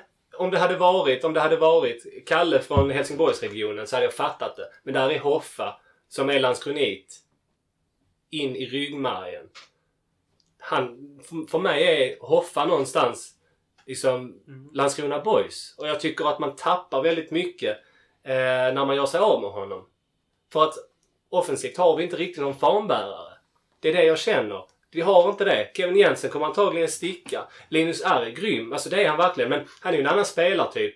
Och menar, Hoffa skriker sönder sin röst och, och han sätter ändå skräck i motståndarna. Det, jag, tror att, jag tror att vi i Landskrona, vi, vi lite så här kritiserar honom för hans poängproduktion och, och att han...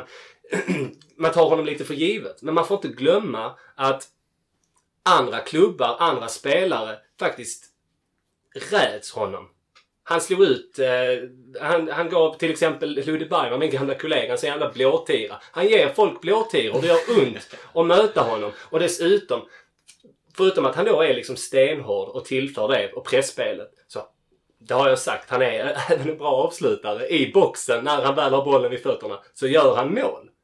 Det, ni kom, det är inte mycket ni kommer ihåg att oh, fan vad han har sumpat liksom. Utan han har, när han har haft lägen så har han faktiskt gjort mål. Ty, tycker jag.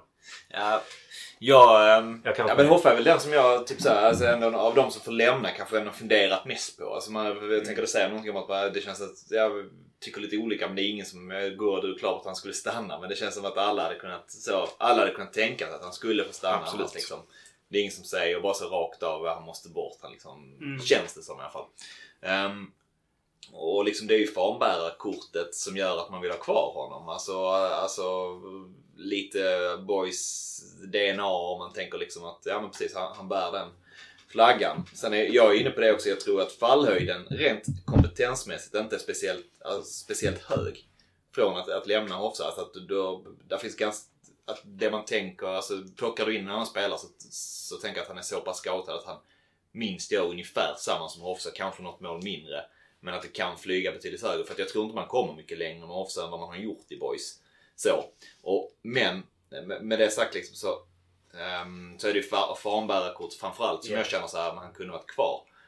hade Boys inte haft resterande lag där det finns ganska många av den typen också. Det finns rätt många fanbärare i klubben kvar ändå. Hade det varit så att man har stått utan dem, då hade jag varit mer så här, Hofsa måste vara kvar för att han, han betyder så pass mycket. Nu känner jag som så ändå när jag landar i det att tror ändå att det finns så pass många som håller den fanan högt så att tappet av Hofsa som, som fanbärare inte ska behöva bli så stort egentligen. Um, så, så på så sätt kan jag förstå dem att ja men vi har kommit så här, så här långt kom vi, så här mycket flög det. Min, min fråga är också, ja men precis, men nu. Man förlänger inte sin nummer 10. Man värvar honom från Eskilsminne som en tydlig etta.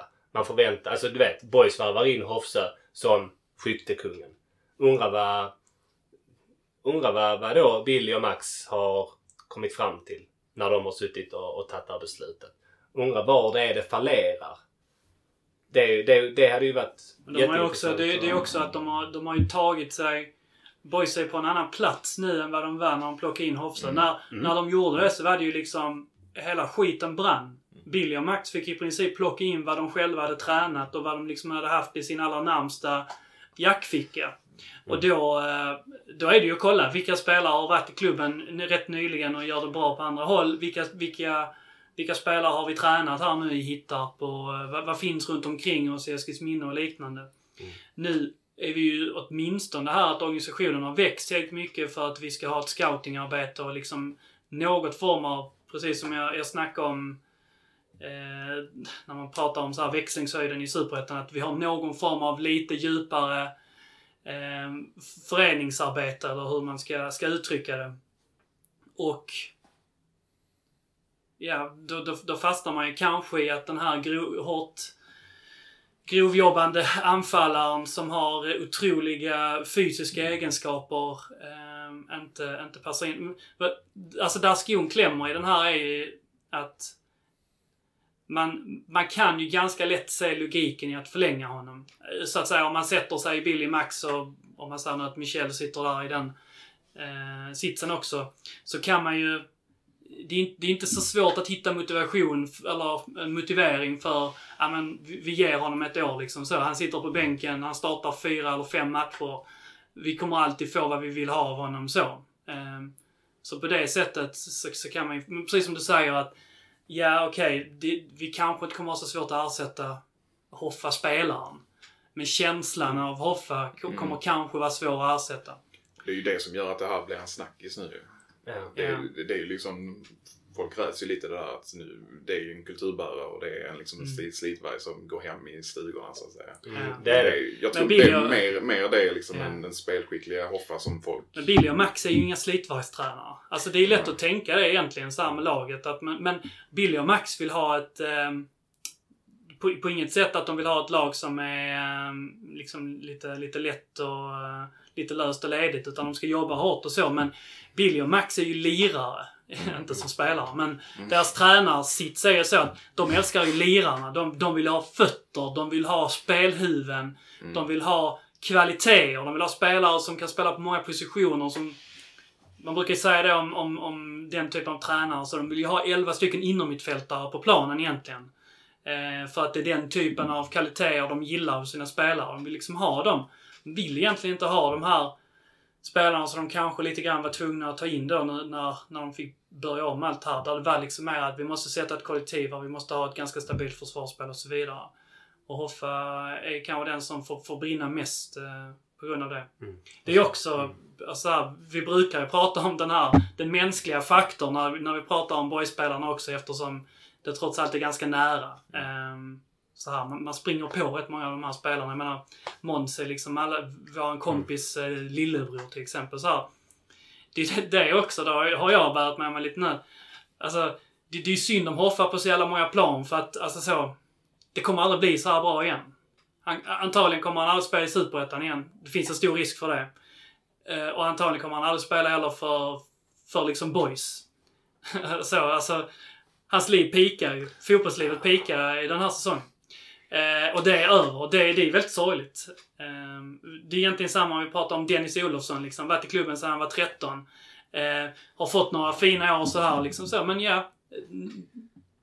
Nu är det stor risk att, han, eh, att hans liksom, tid på, på de stora scenerna, om man nu kan kalla det, är över så. Och att det blir Kristianstad division 2 så här nu i, i några år så länge han pallar och så rundar av i Helgarp om, eh, om tre, fyra år. Mm. Ehm, Skillnaden är ju dock att alltså Dennis blir ändå lite... Nu, nu vet jag inte exakt hur det går till men jag menar tittar man på Dennis utträde ur boys så är det lite mer naturligt. Att han har successivt fått mindre och mindre speltid, suttit på läktaren. Hoffa har ju ändå liksom nästan startat varje match och ändå bidragit i högsta grad. Mm. Jag tycker verkligen man... Ja, jag vet inte. Jag tycker man kastar honom till råttorna lite. Ehm, och jag tycker även att det är fel att inte förlänga Måns men anledningen till att jag inte är riktigt lika upprörd är för att jag får känslan av att det är mer ömsesidigt. Och det vill jag inte sitta och kritisera. Jag är inte hundra men jag får känslan av att det är mer ömsesidigt. Att Mm. det har varit en dialog man har haft med Måns att Måns har haft eh, siktet lite inställt på andra väl, eh, eh, vägval i livet. Eh, så därför så eh, blir jag inte riktigt lika upprörd. Jag vet inte dock. För Men Mon- återkommer jag med... Måns känns ju också som en spelare som har fått lida lite grann av att Billy och Max har velat gå en annan väg. eh, Mm. eh, Den senare, ja, egentligen liksom superettan-året då kanske. Eh, han var ju lite in och ut under, under året i, i division 1 också, spelade lite mittback och så, men han... Ja men det, det är också egentligen en, en hyfsat tydlig markör av att man faktiskt försöker eh, ta bort det gamla och sätta en ny prägel på, eh, på, på laget. Mm, precis. Men tror ni inte att det kan bli en, om, om vi nu utgår dessutom ifrån att Amor faktiskt kommer att försvinna. Ehm, det verkar väl ändå som det. Ehm, och samtidigt kan man egentligen känna sig att det är kanske lika bra om de ändå håller på att rensa så kanske man ska fortsätta. Men det är ändå en, om man då kollar till exempel, du har Asp, du har Olofsson, du har, eh, du har Hoffa, Ekvall, Ammer. Det är fem stycken namn där. Spelare som alla är liksom i 25-30 årsåldern som har en del liksom karaktär och rivighet i sitt sätt att spela fotboll. Skulle gissa att det ändå är hyfsat så här närvarande, markerande spelare i typ omklädningsrummet. Ja. Sådana spelare som kanske tränar bra, som ser till att kvaliteten hålls uppe liksom och sådär. Det är väldigt många spelare med den närvaron som försvinner nu. Dessutom Eh, spelare med egenskaper som fansen älskar. Som betyder mycket för, Ja. för oss. Förlåt, jag vill bara... Nej, men jag, jag är egentligen färdig där, men det är... det- Det är mycket dynamik i laget som jag antar kommer försvinna här. Vi har ju lite grann pratat om den här klicken av eh, Fille, Am och Måns och eh, alltså så här, som man har förstått här. Det var väl... Eh, eh, vad var det? Asp som gifte sig i somras. Man såg liksom lite bilder på vad fyra, fem spelare där och så. Egentligen hela den liksom klicken har ju... De är ju borta nu. Nu är det ju lite grann någon annans lag. Eh, och frågan är vems lag är det? Eh, och och vem, ska, vem ska driva det framåt? Är det liksom ryggraden i de här spelarna till att, till att ha det så? Vad va, vad bygger man det på? För att nu, nu vet det fan om man kan bygga det på Landskrona-anda och liksom Nej, kärlek precis. till Landskrona Boys och staden och publiken och läktaren.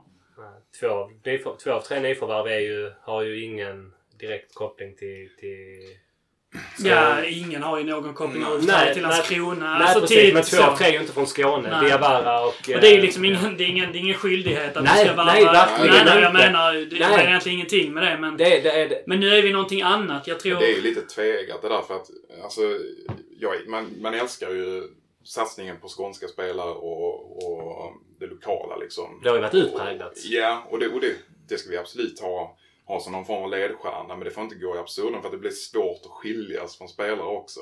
Vi kan inte ha den här, alltså varenda spelare, vi kan inte behålla dem för att de Vi vill bara... Nej, alltså så. Det, det, på samma sätt som det är gött när de kommer tillbaka och att vi bygger laget kring dem. Det, är så svår, det blir ännu svårare när vi måste skiljas åt liksom. Och då, jag menar, vi är ju ganska missnöjda med hur avslutningen på säsongen har varit. Vi är nog alla överens om att det måste ske förändringar liksom.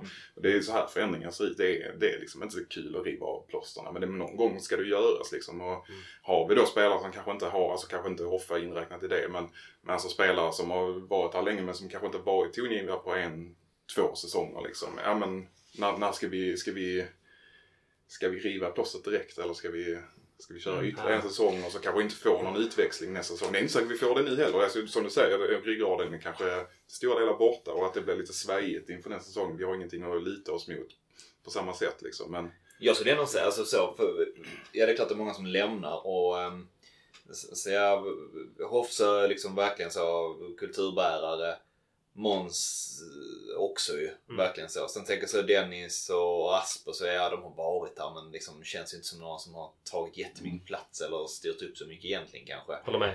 Kaddo har ju varit och man snackar jättemycket om hans träningsnärvaro men det är ju uppenbart någonting har ju hänt under hösten. När han blev petad. Alltså jag Ja. tänker det, det man såg i intervjun som kom ut i HD att det har lagts ett kontrakt men vi kan inte vänta hur länge som helst. Det, alltså, det bara skrek ju så. De är inte riktigt nöjda med hur han har kanske har, man har märkt att han har dratt direkt efter matcherna när han har spelat eller när han inte har spelat heller nu under hösten.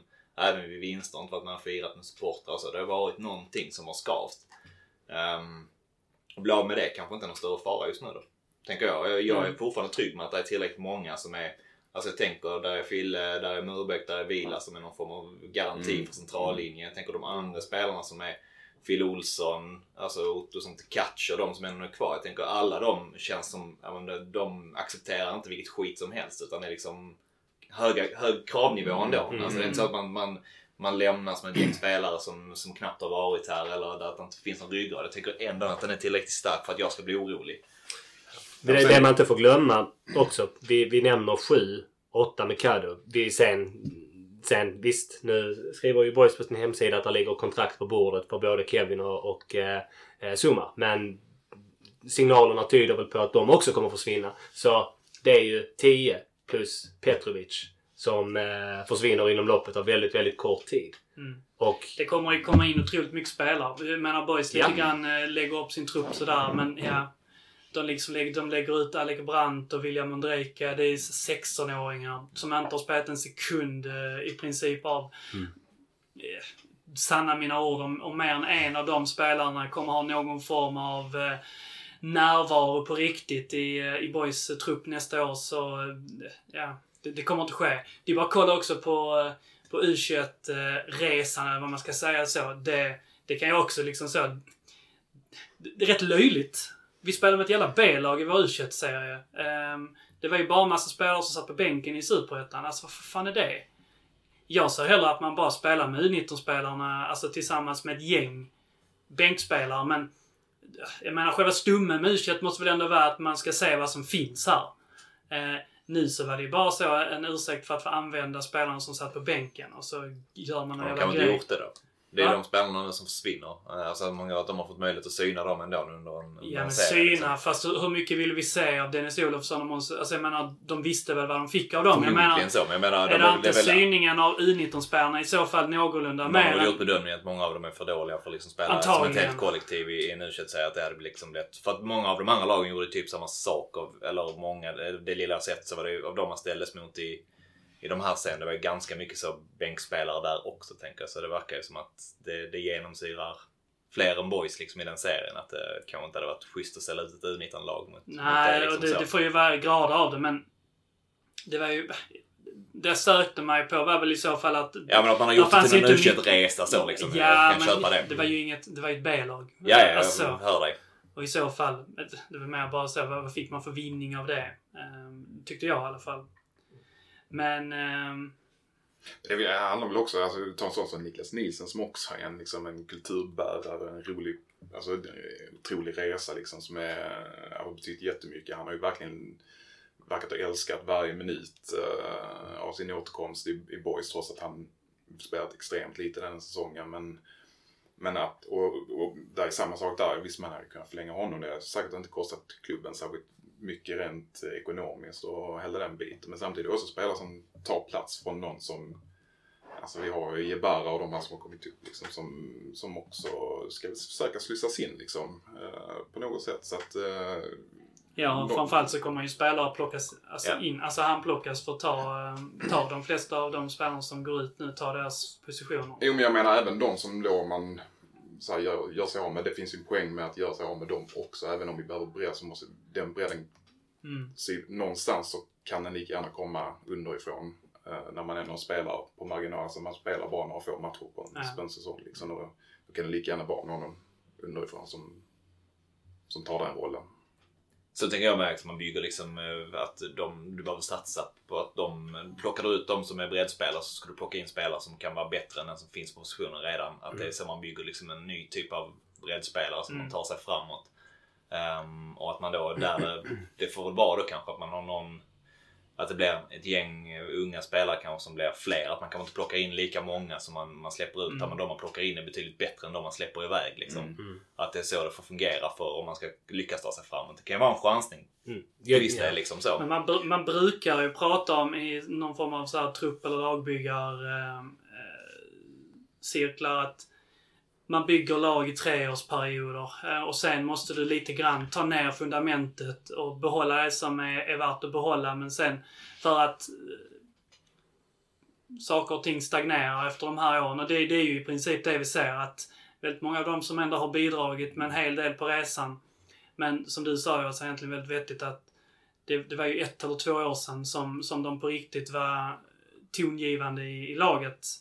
Eh, men trots det så har de ju varit liksom en viktig del på resan. Många har ju varit rätt många år också. Det är många matcher som försvinner men det är kanske också att... Ehm, det är kanske mycket av undu som också är av godo. Att man gör det. Eh, Absolut. Jag tycker, jag tycker ju strategin är, är, är väldigt bra. Jag gillar de här två värvningarna utan att veta så mycket om dem. Men där tror jag ju...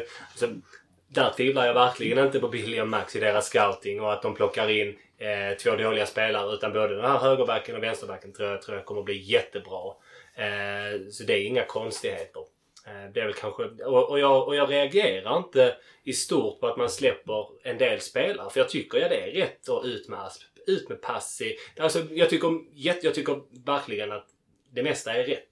Så det, det, det, det, jag tror att jag lätt uppfattas som alldeles för kritisk här. Och det är Det inte, är det, det. Va- Nej, och det, det är inte riktigt meningen. För att jag tycker på det stora Nej, hela att, att det faktiskt är helt rätt väg att gå. Men jag, Mm. som, ja, jag, jag, jag står fast i min... Eh, Alltså, ja, när det kommer till Hoffa och... jag hajade också till lite grann när jag Ja. såg att Hoffa var en av de som skulle gå. Men, men jag ser poängen kanske mer än, eller så här, eller jag blev inte lika chockad kanske. Men, men var ändå så här, kände ju verkligen att fan, det är något synd liksom. Det är någon Hoffa. Ja, ja men precis. Och, ja, men, man pratar ju ofta om ja, men att den andra säsongen kan vara tuff. Och det är kanske det, är det som lite oroar mig att många av eh, alltså mycket av klubbens ryggrad försvinner. Och vad händer om det väl börjar blåsa snålt och det går dåligt? Vem är där då på träningarna? Även om det är Måns som sitter bänk eller Kalle som sitter bänk eller vem det är. Vem är där och, och inger ett lugn och en trygghet i övriga truppen? Det är klart att det finns Fille till exempel och, och andra. Vilas tror jag säkert. Men Mm. det blir, det blir ett rätt så stort ansvar på väldigt få. För att du kan inte kräva du kan inte kräva det av Heijer, du kan inte kräva det av eh, kanske Fille Olsson och så här. Så det, det blir nog en liten klick som kommer få väldigt, ta väldigt stort ansvar. Men det är ju och, och pre- precis den eh, så här, avvägningen mellan att satsa och bromsa och hålla kvar det som, som man vet man har liksom en, en, eh, en produkt i de här spelarna. Man vet vad man får och man vet vad man inte får.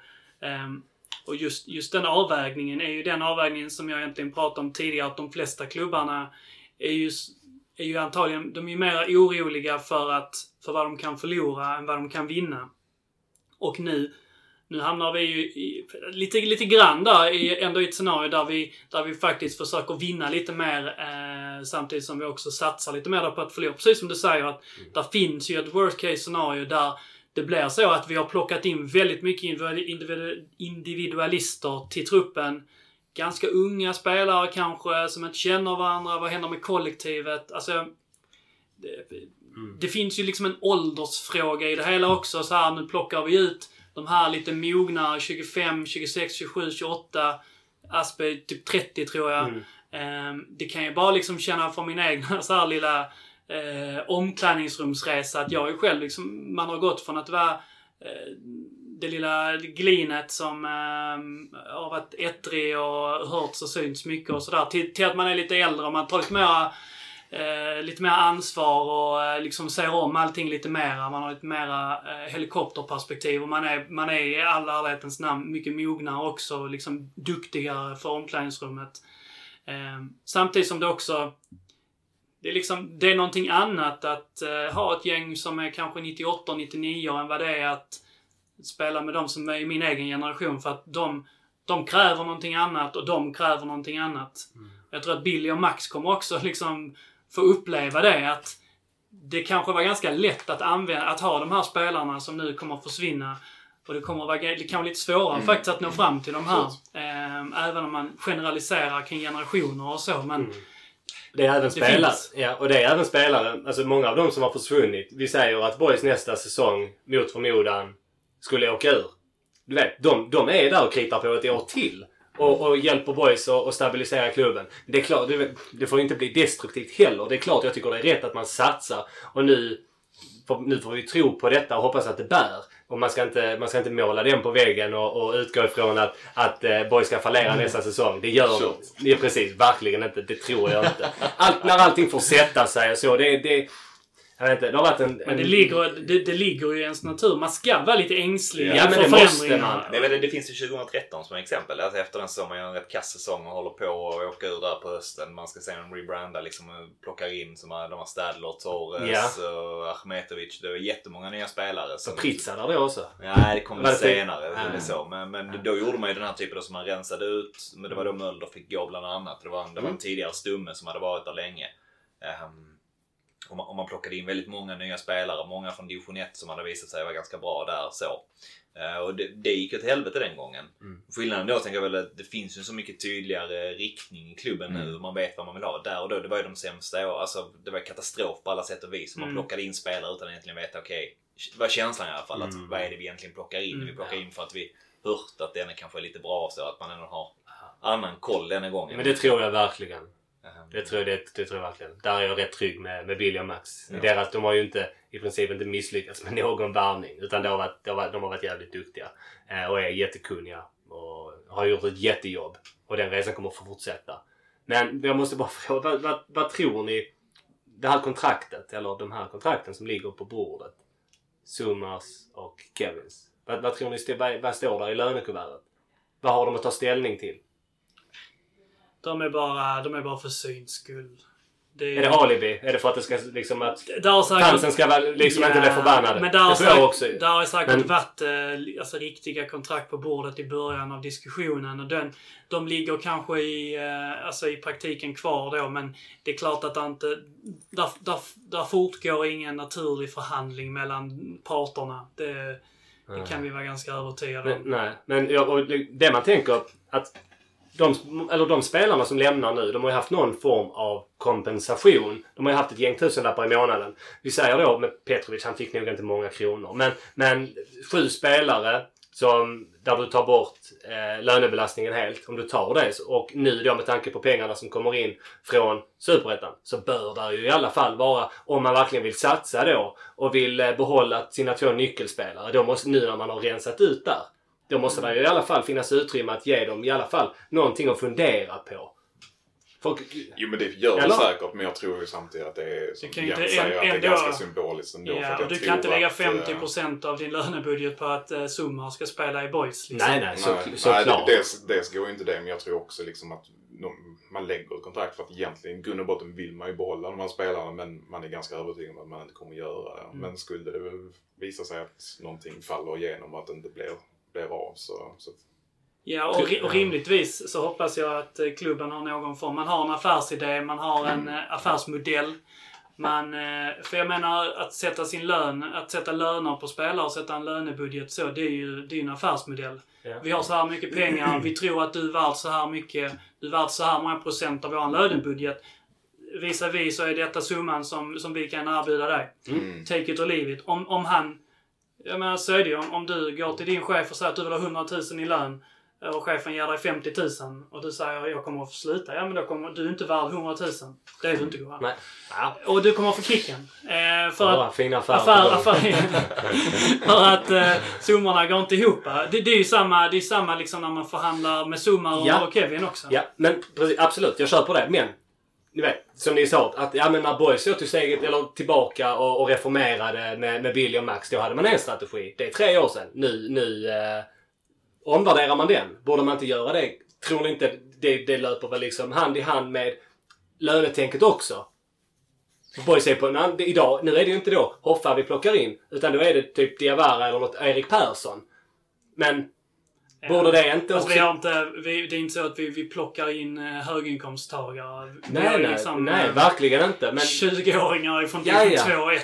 jo, det är klart. Jag tror lönemässigt ligger nog de här på samma poster som vi har plockat in. Så jag tror inte Ja. att det är någon uppväxling. Nej, men det måste ju finnas krut i bössan nu för att i alla fall... Alltså, man, man hade ju... Man hade ju nog kunnat... Jag det, vet bara, inte det, är bara, exakt. det är bara släppa gå. Jo, jo, visst. Absolut. Ja, där sänker du mig. Ja. Ja, men jag, Jag tror inte att det jag, jag tror liksom inte att det finns någon... Så inom två veckor så kommer det ut på Boys hemsida. Vi tackar Kevin och Summa. Det kommer Ja. bli så. Och kanske jag, kan jag, också. är, jag är helt, helt övertygad om att så kommer det bli också. Men kan man inte vara lite- Jag, också, jag, jag, jag är till viss del med där. Att jag tänker att det borde finnas utrymme till att, att växla upp. Kan man inte vara lite... För du vet, det blir så Sen mycket... pratar du 60 000 på Ja, bordet. det gjorde jag. Det gjorde jag definitivt. Och jag, jag säger det. Jag säger det återigen. Jag kan ta ett blankolån.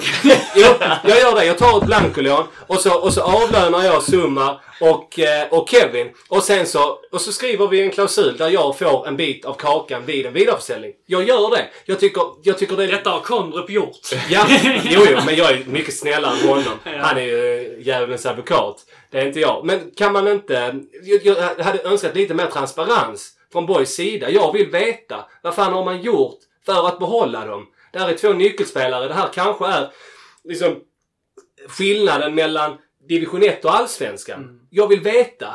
Var ärliga och öppna. Vad har ni gjort? Jag tror inte det, i botten är det ju ingen lönefråga för någon av dem utan det är att ta ett steg så att säga. Ja, absolut. Det, det är det. Det är, det är ju den, den stora faktorn. De är ute efter saker som Ja, det är klart. kan erbjuda dem. Ja, nej precis. Men jag tror att där finns ju intresse. Där kanske till exempel från HIF då summar. Eh, det kan ju mycket väl bli superettan nästa säsong. Men då, där är det nog. Det är klart han vill ta nästa steg. Men jag tror att med rätt sälja in rätt lösning och även då med, med rätt lön så tror jag att du kan få dem att skriva på två år och sen så vi släpper dig om ett år. Kan du tänka dig att göra detta? Vi kommer att göra det här och det här för din skull och för din utveckling. Och sen släpper vi dig om det kommer in ett anbud. För det handlar någonstans om att Borg ska växa ekonomiskt genom försäljningar. Det har vi ju gjort bra ju, eller? Nej men så, så är det väl. eh, Alltså så, den Det här är idén... din investering. Ja, men den idén är väl säkert, eh, alltså så här, plan A. Sådär, men skulle, skulle det gått i land så, gått, så, så skulle vi ha gjort det i tidig vår, eh, eller så här, sen vår, Mm. tidig sommar. Nu, nu har det gått så, nu är det Det var samma skit med Patrick också. Att vi bara, det var ju tidningsartiklar om att så, det är ett kontrakt, vi hoppas att han ska vara kvar. Men eh, så, man, man förstod ju så pass bra som han var, så pass gratis som han blev. Att så, det kommer inte gå och klubben kan inte eh, Klubben kan ju inte heller sänka spelarna. De kan inte säga så, vi har erbjudit eh, 30 000 i månaden i tre år. Men eh, den tycker inte det är nog. Han vill bara spela för pengar i, eh, och gå Nej. till HF. Alltså, klubben har ju ett ansvar gentemot spelarna också. Att ta hand om också dem. någonstans. Mm. Vad sa du? Alltså det är ju hur man säljer in Ja. att, att gå till boys någonstans. Ja, för att Så. även så mycket som vi liksom vill att, boy, att alla spelare ska ha Boys som slutstation så är det ju verkligheten att för spelarna så, för 99% av alla spelarna så är Boys inte en slutstation. Eh, utan det är ju de få som kommer tillbaka och som kan avsluta säsongen, och kar- sin karriär liksom. För alla andra så, så är det ju en, en möjlighet att, att kliva uppåt. Om Boys, om Boys helt plötsligt hugger alla spelare i ryggen som sticker gratis. Det, det tjänar de liksom ingenting Nej. på det heller. Så, så att jag förstår samtidigt, jag förstår din liksom synvinkel på men jag Ja. förstår också att Boys är ju bakbundna. Ja, det, det är klart. För de, de fattar väl också att de, att Sumar och Kevin, att det kommer att vara extremt svårt att ersätta dem. Och att supportrarna vill ha kvar dem och att alla i ledningen vill ha kvar dem också. Det är liksom ingen, det är inte direkt någon, eh, det är ingen svår matematik så här men av olika anledningar så... Jag vet och jag säger inte att de ska bli kvar men jag tycker ändå det ska upp för diskussion. Jag tycker ändå att det ska, det ska faktiskt synas ordentligt. För någonstans handlar det om, om liksom, för Borgs del att få igång en bankrulle. Det ska, liksom, det ska trilla in pengar nu. Nu ska vi Alltså på riktigt. Så, det är någonstans det det handlar om. Och fan, man kanske hade fått satsa rätt så högt. Men där, där är ju, man har ju så mycket att vinna på det. Tänk, tänk en försäljning av Kevin eller Summa. Tänk om, de hade, tänk om båda de hade haft tre år. Båda de hade vi ju sålt för 10 miljoner tillsammans. Det hade vi i dagens fotboll. Och vad hade det inneburit för boys? Jo, att vi blir inte så beroende av att behålla dem för att ni vet, då får man igång det. Men det är ju så här, fo- fotbollsvärlden ser ju ut så för klubbar i Borgs storlek att väldigt, väldigt få klubbar har ju ekonomiska muskler, muskler för att, eh, för att knyta upp spelare på den typen av kontrakt. Utan de flesta spelarna, även om du skriver treårskontrakt eller tvåårskontrakt, så, så när du går in på sista året så är du rätt nöjd med att sitta på det kontraktet om du har använt de två första åren till att växla upp. Mm. Och sen så sticker du gratis. Det, det är liksom en, en pissig del av, av, eh, av den fotbollsvärlden som vi som boys behöver be- befinna sig i. Och det är ganska få av, eh, av våra konkurrenter som, som kan göra annorlunda också. Så att det är tyvärr så. Eh, och det är en del av våran plats i hierarkin. Att vi, även om allsvenska klubbar kan, kan trycka ut spelare till, till Skandinavien och till eh, Belgien och, och Holland och så vidare för, för, för goda pengar. Så, eh, så finns det liksom inte ett steg under det med övergångar i, i svensk fotboll. Utan det är ju jät- jättefå spelare som går Mm. för, för värden mellan klubbar i Sverige. Även om det har börjat komma lite mer nu, men det är ju liksom abno- abnormaliteter. Även om Summa och, och Kevin skulle vara bra nog för att säljas för 5 miljoner så det, jag, det, det ska rätt mycket till ändå, tror jag. Ja, för Eh, grejen är ju också att om du väljer mellan att kunna varva en spelare för 5 miljoner eller att kunna bara ah, köpa en spelare gratis, köpa gratis. Så är det mycket lättare att bara ta, ja men då, då chans, då, då tar jag hellre det, liksom den här ekonomiska vinningen med att inte betala 5 miljoner. Så tar den här spelaren som kanske är eh, 70 när eh, summa är 75. Och kostnaden för boys blir inte bara tunga löneposter utan det blir som väldigt ojämn eh, lönefördelning det är klart i, det finns- klubben. Och, och det tror jag skadar klubben också jättemycket. Ja. Men, eh, och, men samtidigt så, det är ju, de har ju en... Det är ju någon form av tanke och idé på att försöka förlänga när det går. Det är klart, alltså här, det, det är ju inte så att de bara kommunicerar ut det och sen har glömt att de har sagt det. Diawara kom på ett treårskontrakt nu. Eh, och jag gissar, jag har inte de andra i huvudet, men jag gissar att de andra skrev treårskontrakt också. Jag tror det. Och det är ju för att undvika det här att förhoppningsvis få två bra säsonger och sälja på tredje. Precis. Och, och, det, och jag måste få säga det också att absolut, jag är liksom så här. Det är, det är en frustration och en besvikelse. Men någonstans så handlar det om att jag vill ju att det ska gå så jävla bra för boys. så det yttrar sig i en frustration och en liten ilska för att man hade hoppats jävla mycket. Sen förstår jag att det är klart det är inte så lätt. Men det som då är positivt är att nu är ju kanske boys i en lite annorlunda sits. Att nu kan man ändå skriva tre år. Man gjorde det med Heijervel och med Diawara och de här andra. Så nu när, när det ändå börjar bli lite bättre ekonomisk grund att stå på. Så det som händer härifrån och framåt. Så länge vi kan bli ett etablerat lag i Superettan. Kanske någon gång studsa upp. Och så länge vi etablerar det här nu med, med ekonomin som finns. Så nu har vi faktiskt möjligheten att, att, att bygga långsiktigt och faktiskt få skapa ett värde och få betalt för våra spelare som vi inte har fått innan. För att vi har legat liksom i, i division 1 och, och det har inte funnits några pengar. Så det är ju positivt. Man får väl släppa Kevin och Summa liksom och eh, gråta och sen så händer inte detta fler gånger. Det är klart det kommer hända men inte i samma utsträckning. Nej, det, det, det är ju förhoppningen nu. Liksom, eh, kravställningen bör ju vara att det inte ska Alltså för att det har hänt, det har ju hänt för ofta man, Ja. har, varit- man har varit för dåliga på att liksom säga vilken spelare ska ta det klivet och lyckas knyta upp honom i tid, tänker jag. Många gånger i alla fall. Men att den kravställningen ska kunna ha, alltså nu när, när det negativa kapitalet är borta och man är på den nivån där man är. Framförallt stannar man kvar en säsong till så definitivt så ska det ju vara, det ska ju inte behöva hända i den eh, utsträckning som det har gjort då. En fråga. Eh, ekonomiska kompensationen. Är det baserat på var i tabellen du har hamnat? Eller hur vet ni hur det funkar? Det fanns väl någon sån men att den liksom inte... Det är inte så- Spelar, alltså, nej, nej, nej, fyra okej. eller tio spelar typ ingen Ah, roll. okej. Liksom, så. Nej. Hur mycket pengar är det det rör sig om? Vet ni det? Ja, jag vet inte. Men, eller, detta är också bara vad jag har läst egentligen Ja. vad någon skrev på Facebook. Mm, jag kommer utan det hade varit så, det hade det varit så intressant kommer med större transparens här. För detta är ju jätteintressant. Och detta, Men det detta kommer kan att ju, de siffrorna det kommer- finns. Ja, okej. Det kommer säkert komma ut. Ja, ja, det- för det är jätteintressant. Också. för det, kan ju, det ger ju mig Det som... kan du läsa dig till. Ja, det- ja. Alltså, jag, jag har sett Säkert. det men jag, jag kommer inte... Jo, men så är det kommer ju de säkert. men, Absolut, det ska jag kolla upp. För det kan ju ge mig som supporter ett större lugn och en större förståelse också i hur verkligheten är. Nu är det mycket önsketänkande och, och mycket naivitet från min sida såklart. Men vad fan. Jag älskar boys och vill att det ska gå så bra som möjligt. Det gör du.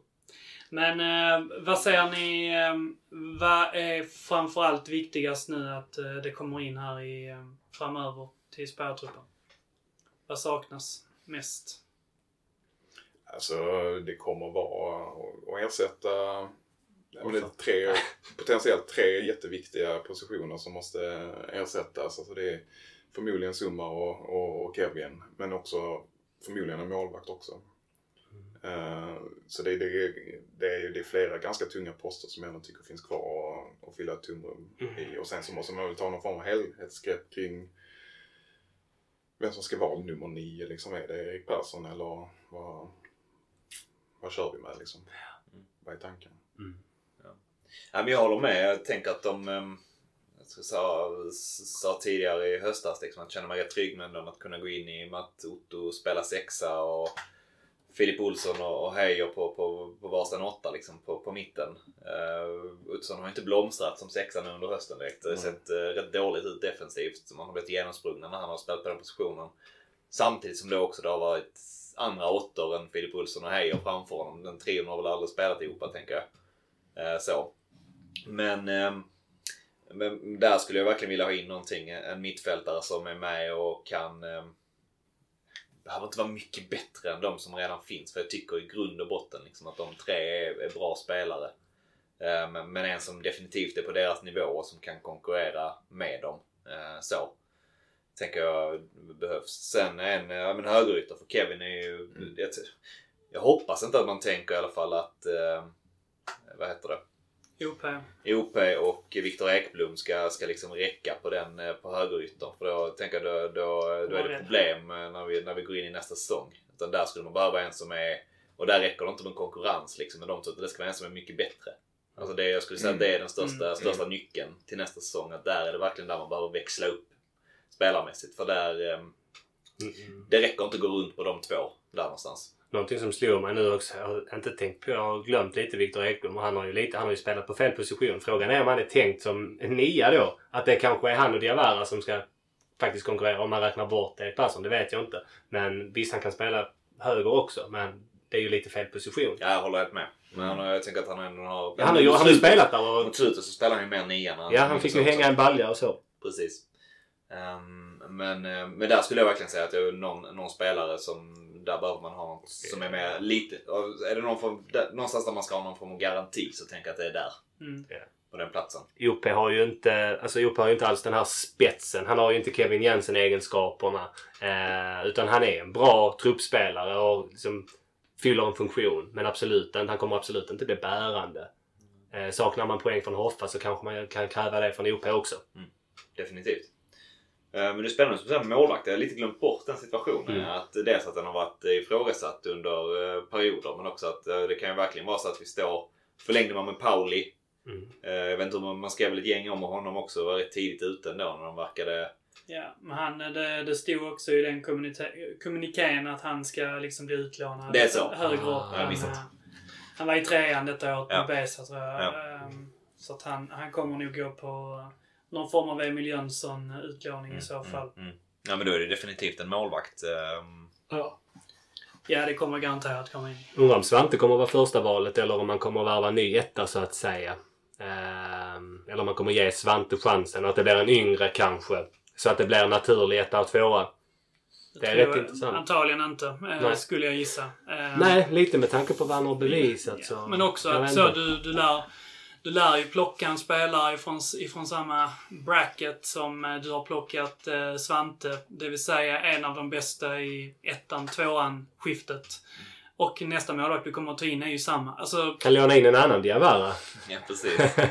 ja. Det är lite Ja, så. det det. I, eh, sen har jag gått en hel podd utan att dra en NFL-jämförelse. Men i en NFL så brukar man prata om det.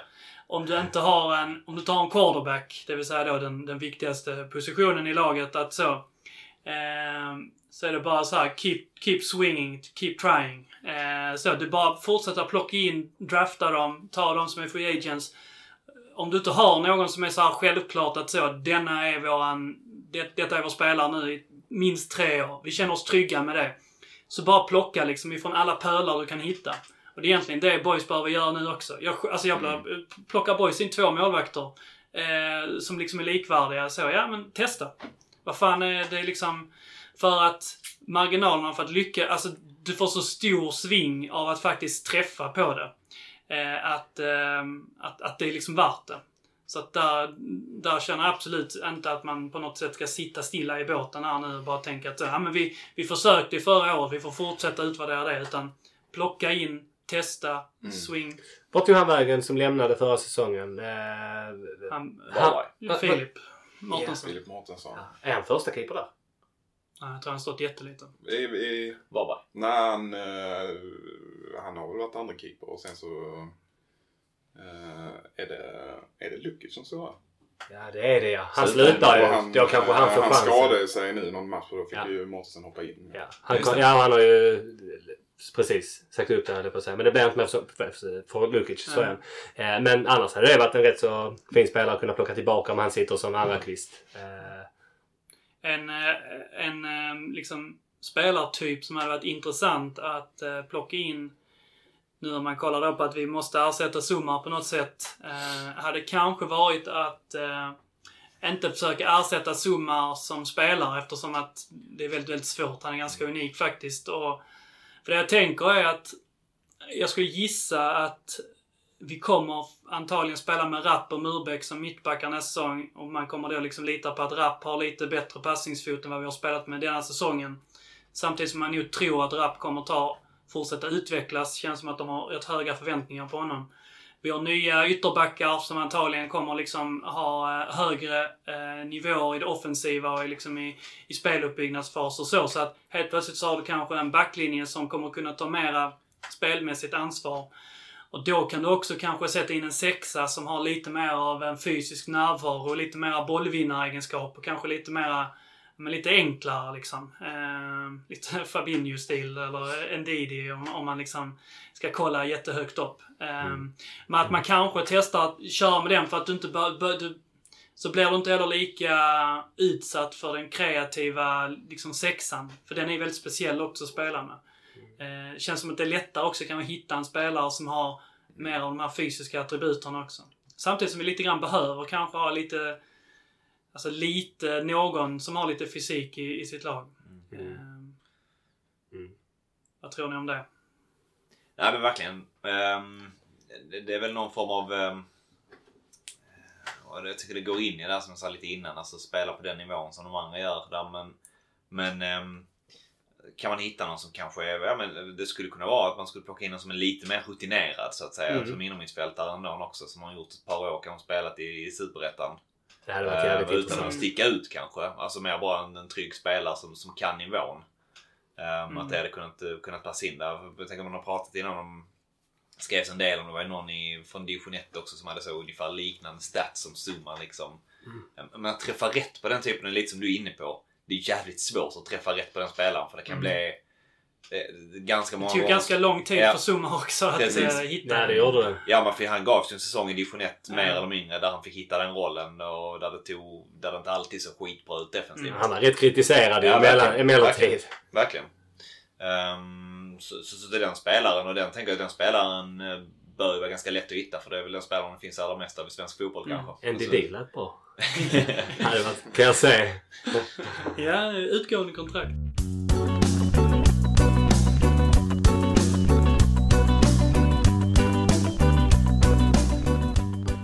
Ja, mina herrar. Eh, då eh, bör det väl gå mot eh, sitt slut här. Ehm. Vi får väl kalla det säsongens sista avsnitt. Vi får se hur vi hörs av här framöver. Men ehm, det har varit en, en ynnest att få, få snacka ner och snacka upp lite grann här ehm, den här säsongen som trots allt har varit extremt minnesvärd. Vi kommer, Man kommer ändå ta med sig detta en, eh, en bit in i ålderns höst innan eh, demensens dimma tar över en helt och hållet. Eller hur Goa? Du har Ja. lite demensaura. Ja men det, det har jag verkligen. Du har demens i släkten? Nej, inte vad jag vet. Uh, nej, Men, det har jag glömt. Ja, precis. Farsan har ju börjat få ett dåligt minne. Uh, ja men lite eh, faktiskt. Nu när du säger det. Ja, Håsan, ska du... Um, um, blir det mycket spring på i Köpenhamn och så nu? Nej, jag tror inte jag ska dit på måndag. Men, eh, men jag vet inte om det blir... Det är mycket Känns, känns, känns som det kommer bli svårt att ta sig in där i vinter. Jag har den känslan. Mm. Det kommer bli jobbigt. Det känns som du har lite, du har lite kontakter som tar dig in. Smuggelbåt till Tyskland. Och till Danmark. Guldbåt över. till Tuborg. Ja, vi får väl se hur det blir. Jag hoppas att det blir en, en kul vinter. Man, vi behöver lite paus från, från fotbollen känner jag. Mm. Så kanske man kan komma tillbaka med lite eh, krafter här i, i eh, Lite värmande, precis, lite värmande träningsmatcher på konstgräsplanen där i februari. Och, Mm. Det som är det är att man är redan nu är någonstans inne i december. Att det, Ja, det, det, det- Ja, det är för bara- känns inte som att det är skitlångt. När till- slår Svenska cupen. Ja men... Alltså, ja, men det, är, det är fan inte länge till dess. inte långt borta. Nej, det är det inte. Silly season är igång liksom. Spelar ut och redan tre... Låter tre, som det här, eh, lå- låter som det här sista avsnittet av Seinfeld här. Att man liksom så, allting bara börjar om igen. Ja, ja, kan, men de, sitter ju bara i fängelse och Ja. pratar om att eh, Kör samma grej. kör exakt samma sak Ja. som första avsnittet börjar på, Ja. tror jag. Så Svenska cupen. Ja. Någon träningsmatch, sen cupen, sen någon träningsmatch, sen är vi igång. Ja. Vi kör bara repriser av avsnittet nästa Ja. år. Vi tar paus hela nästa, nästa år. Eh, ja, och ehm, då får vi väl eh, sätta ett, eh, en, en, knut och ett paket på den här säsongen. Och eh, tack till alla er som har eh, lyssnat under året och tack till er som eh, har hört av sig. Det uppskattas eh, jättemycket. Och eh, Gurra och Böna och Håsan och Anders och Fille om ni också råkar lyssna så eh, stort jävla tack till er. Det har ändå varit eh, en... eh, Det har varit jävligt kul Ja, det har faktiskt. det. Ja, det har varit... Bra jobbat Jens också. Ja, Ja, verkligen. definitivt. Ja.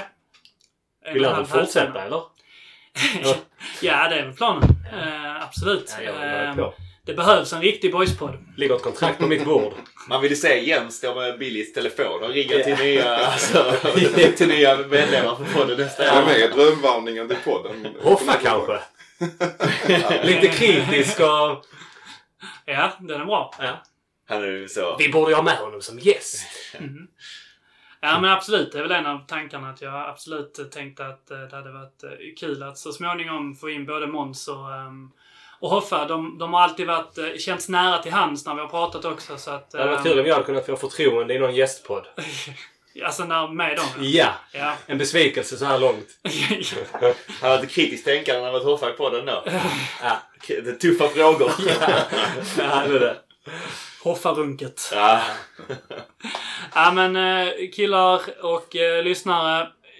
God jul och eh, gott nytt och sånt. Det är ju nästan tid för att säga det också. Men framförallt eh, tack till alla boysar för, för det här året och eh, onwards and upwards. Trots allt. Och så syns vi på eh, konstgräsplanen i, i februari På andra sidan. på andra sidan. Eh, och eh, heja boys! Du kan lita dig tillbaka. Du kan drömma lite grann. Som om Gud var lika randig Han som sinne din sida.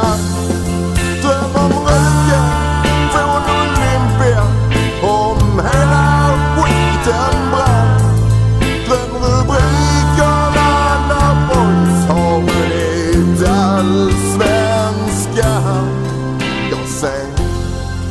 Sambalek Varm och het. Jag ser grym överlägsenhet. Ja, du ser väl det själv. Vilket underbart lag.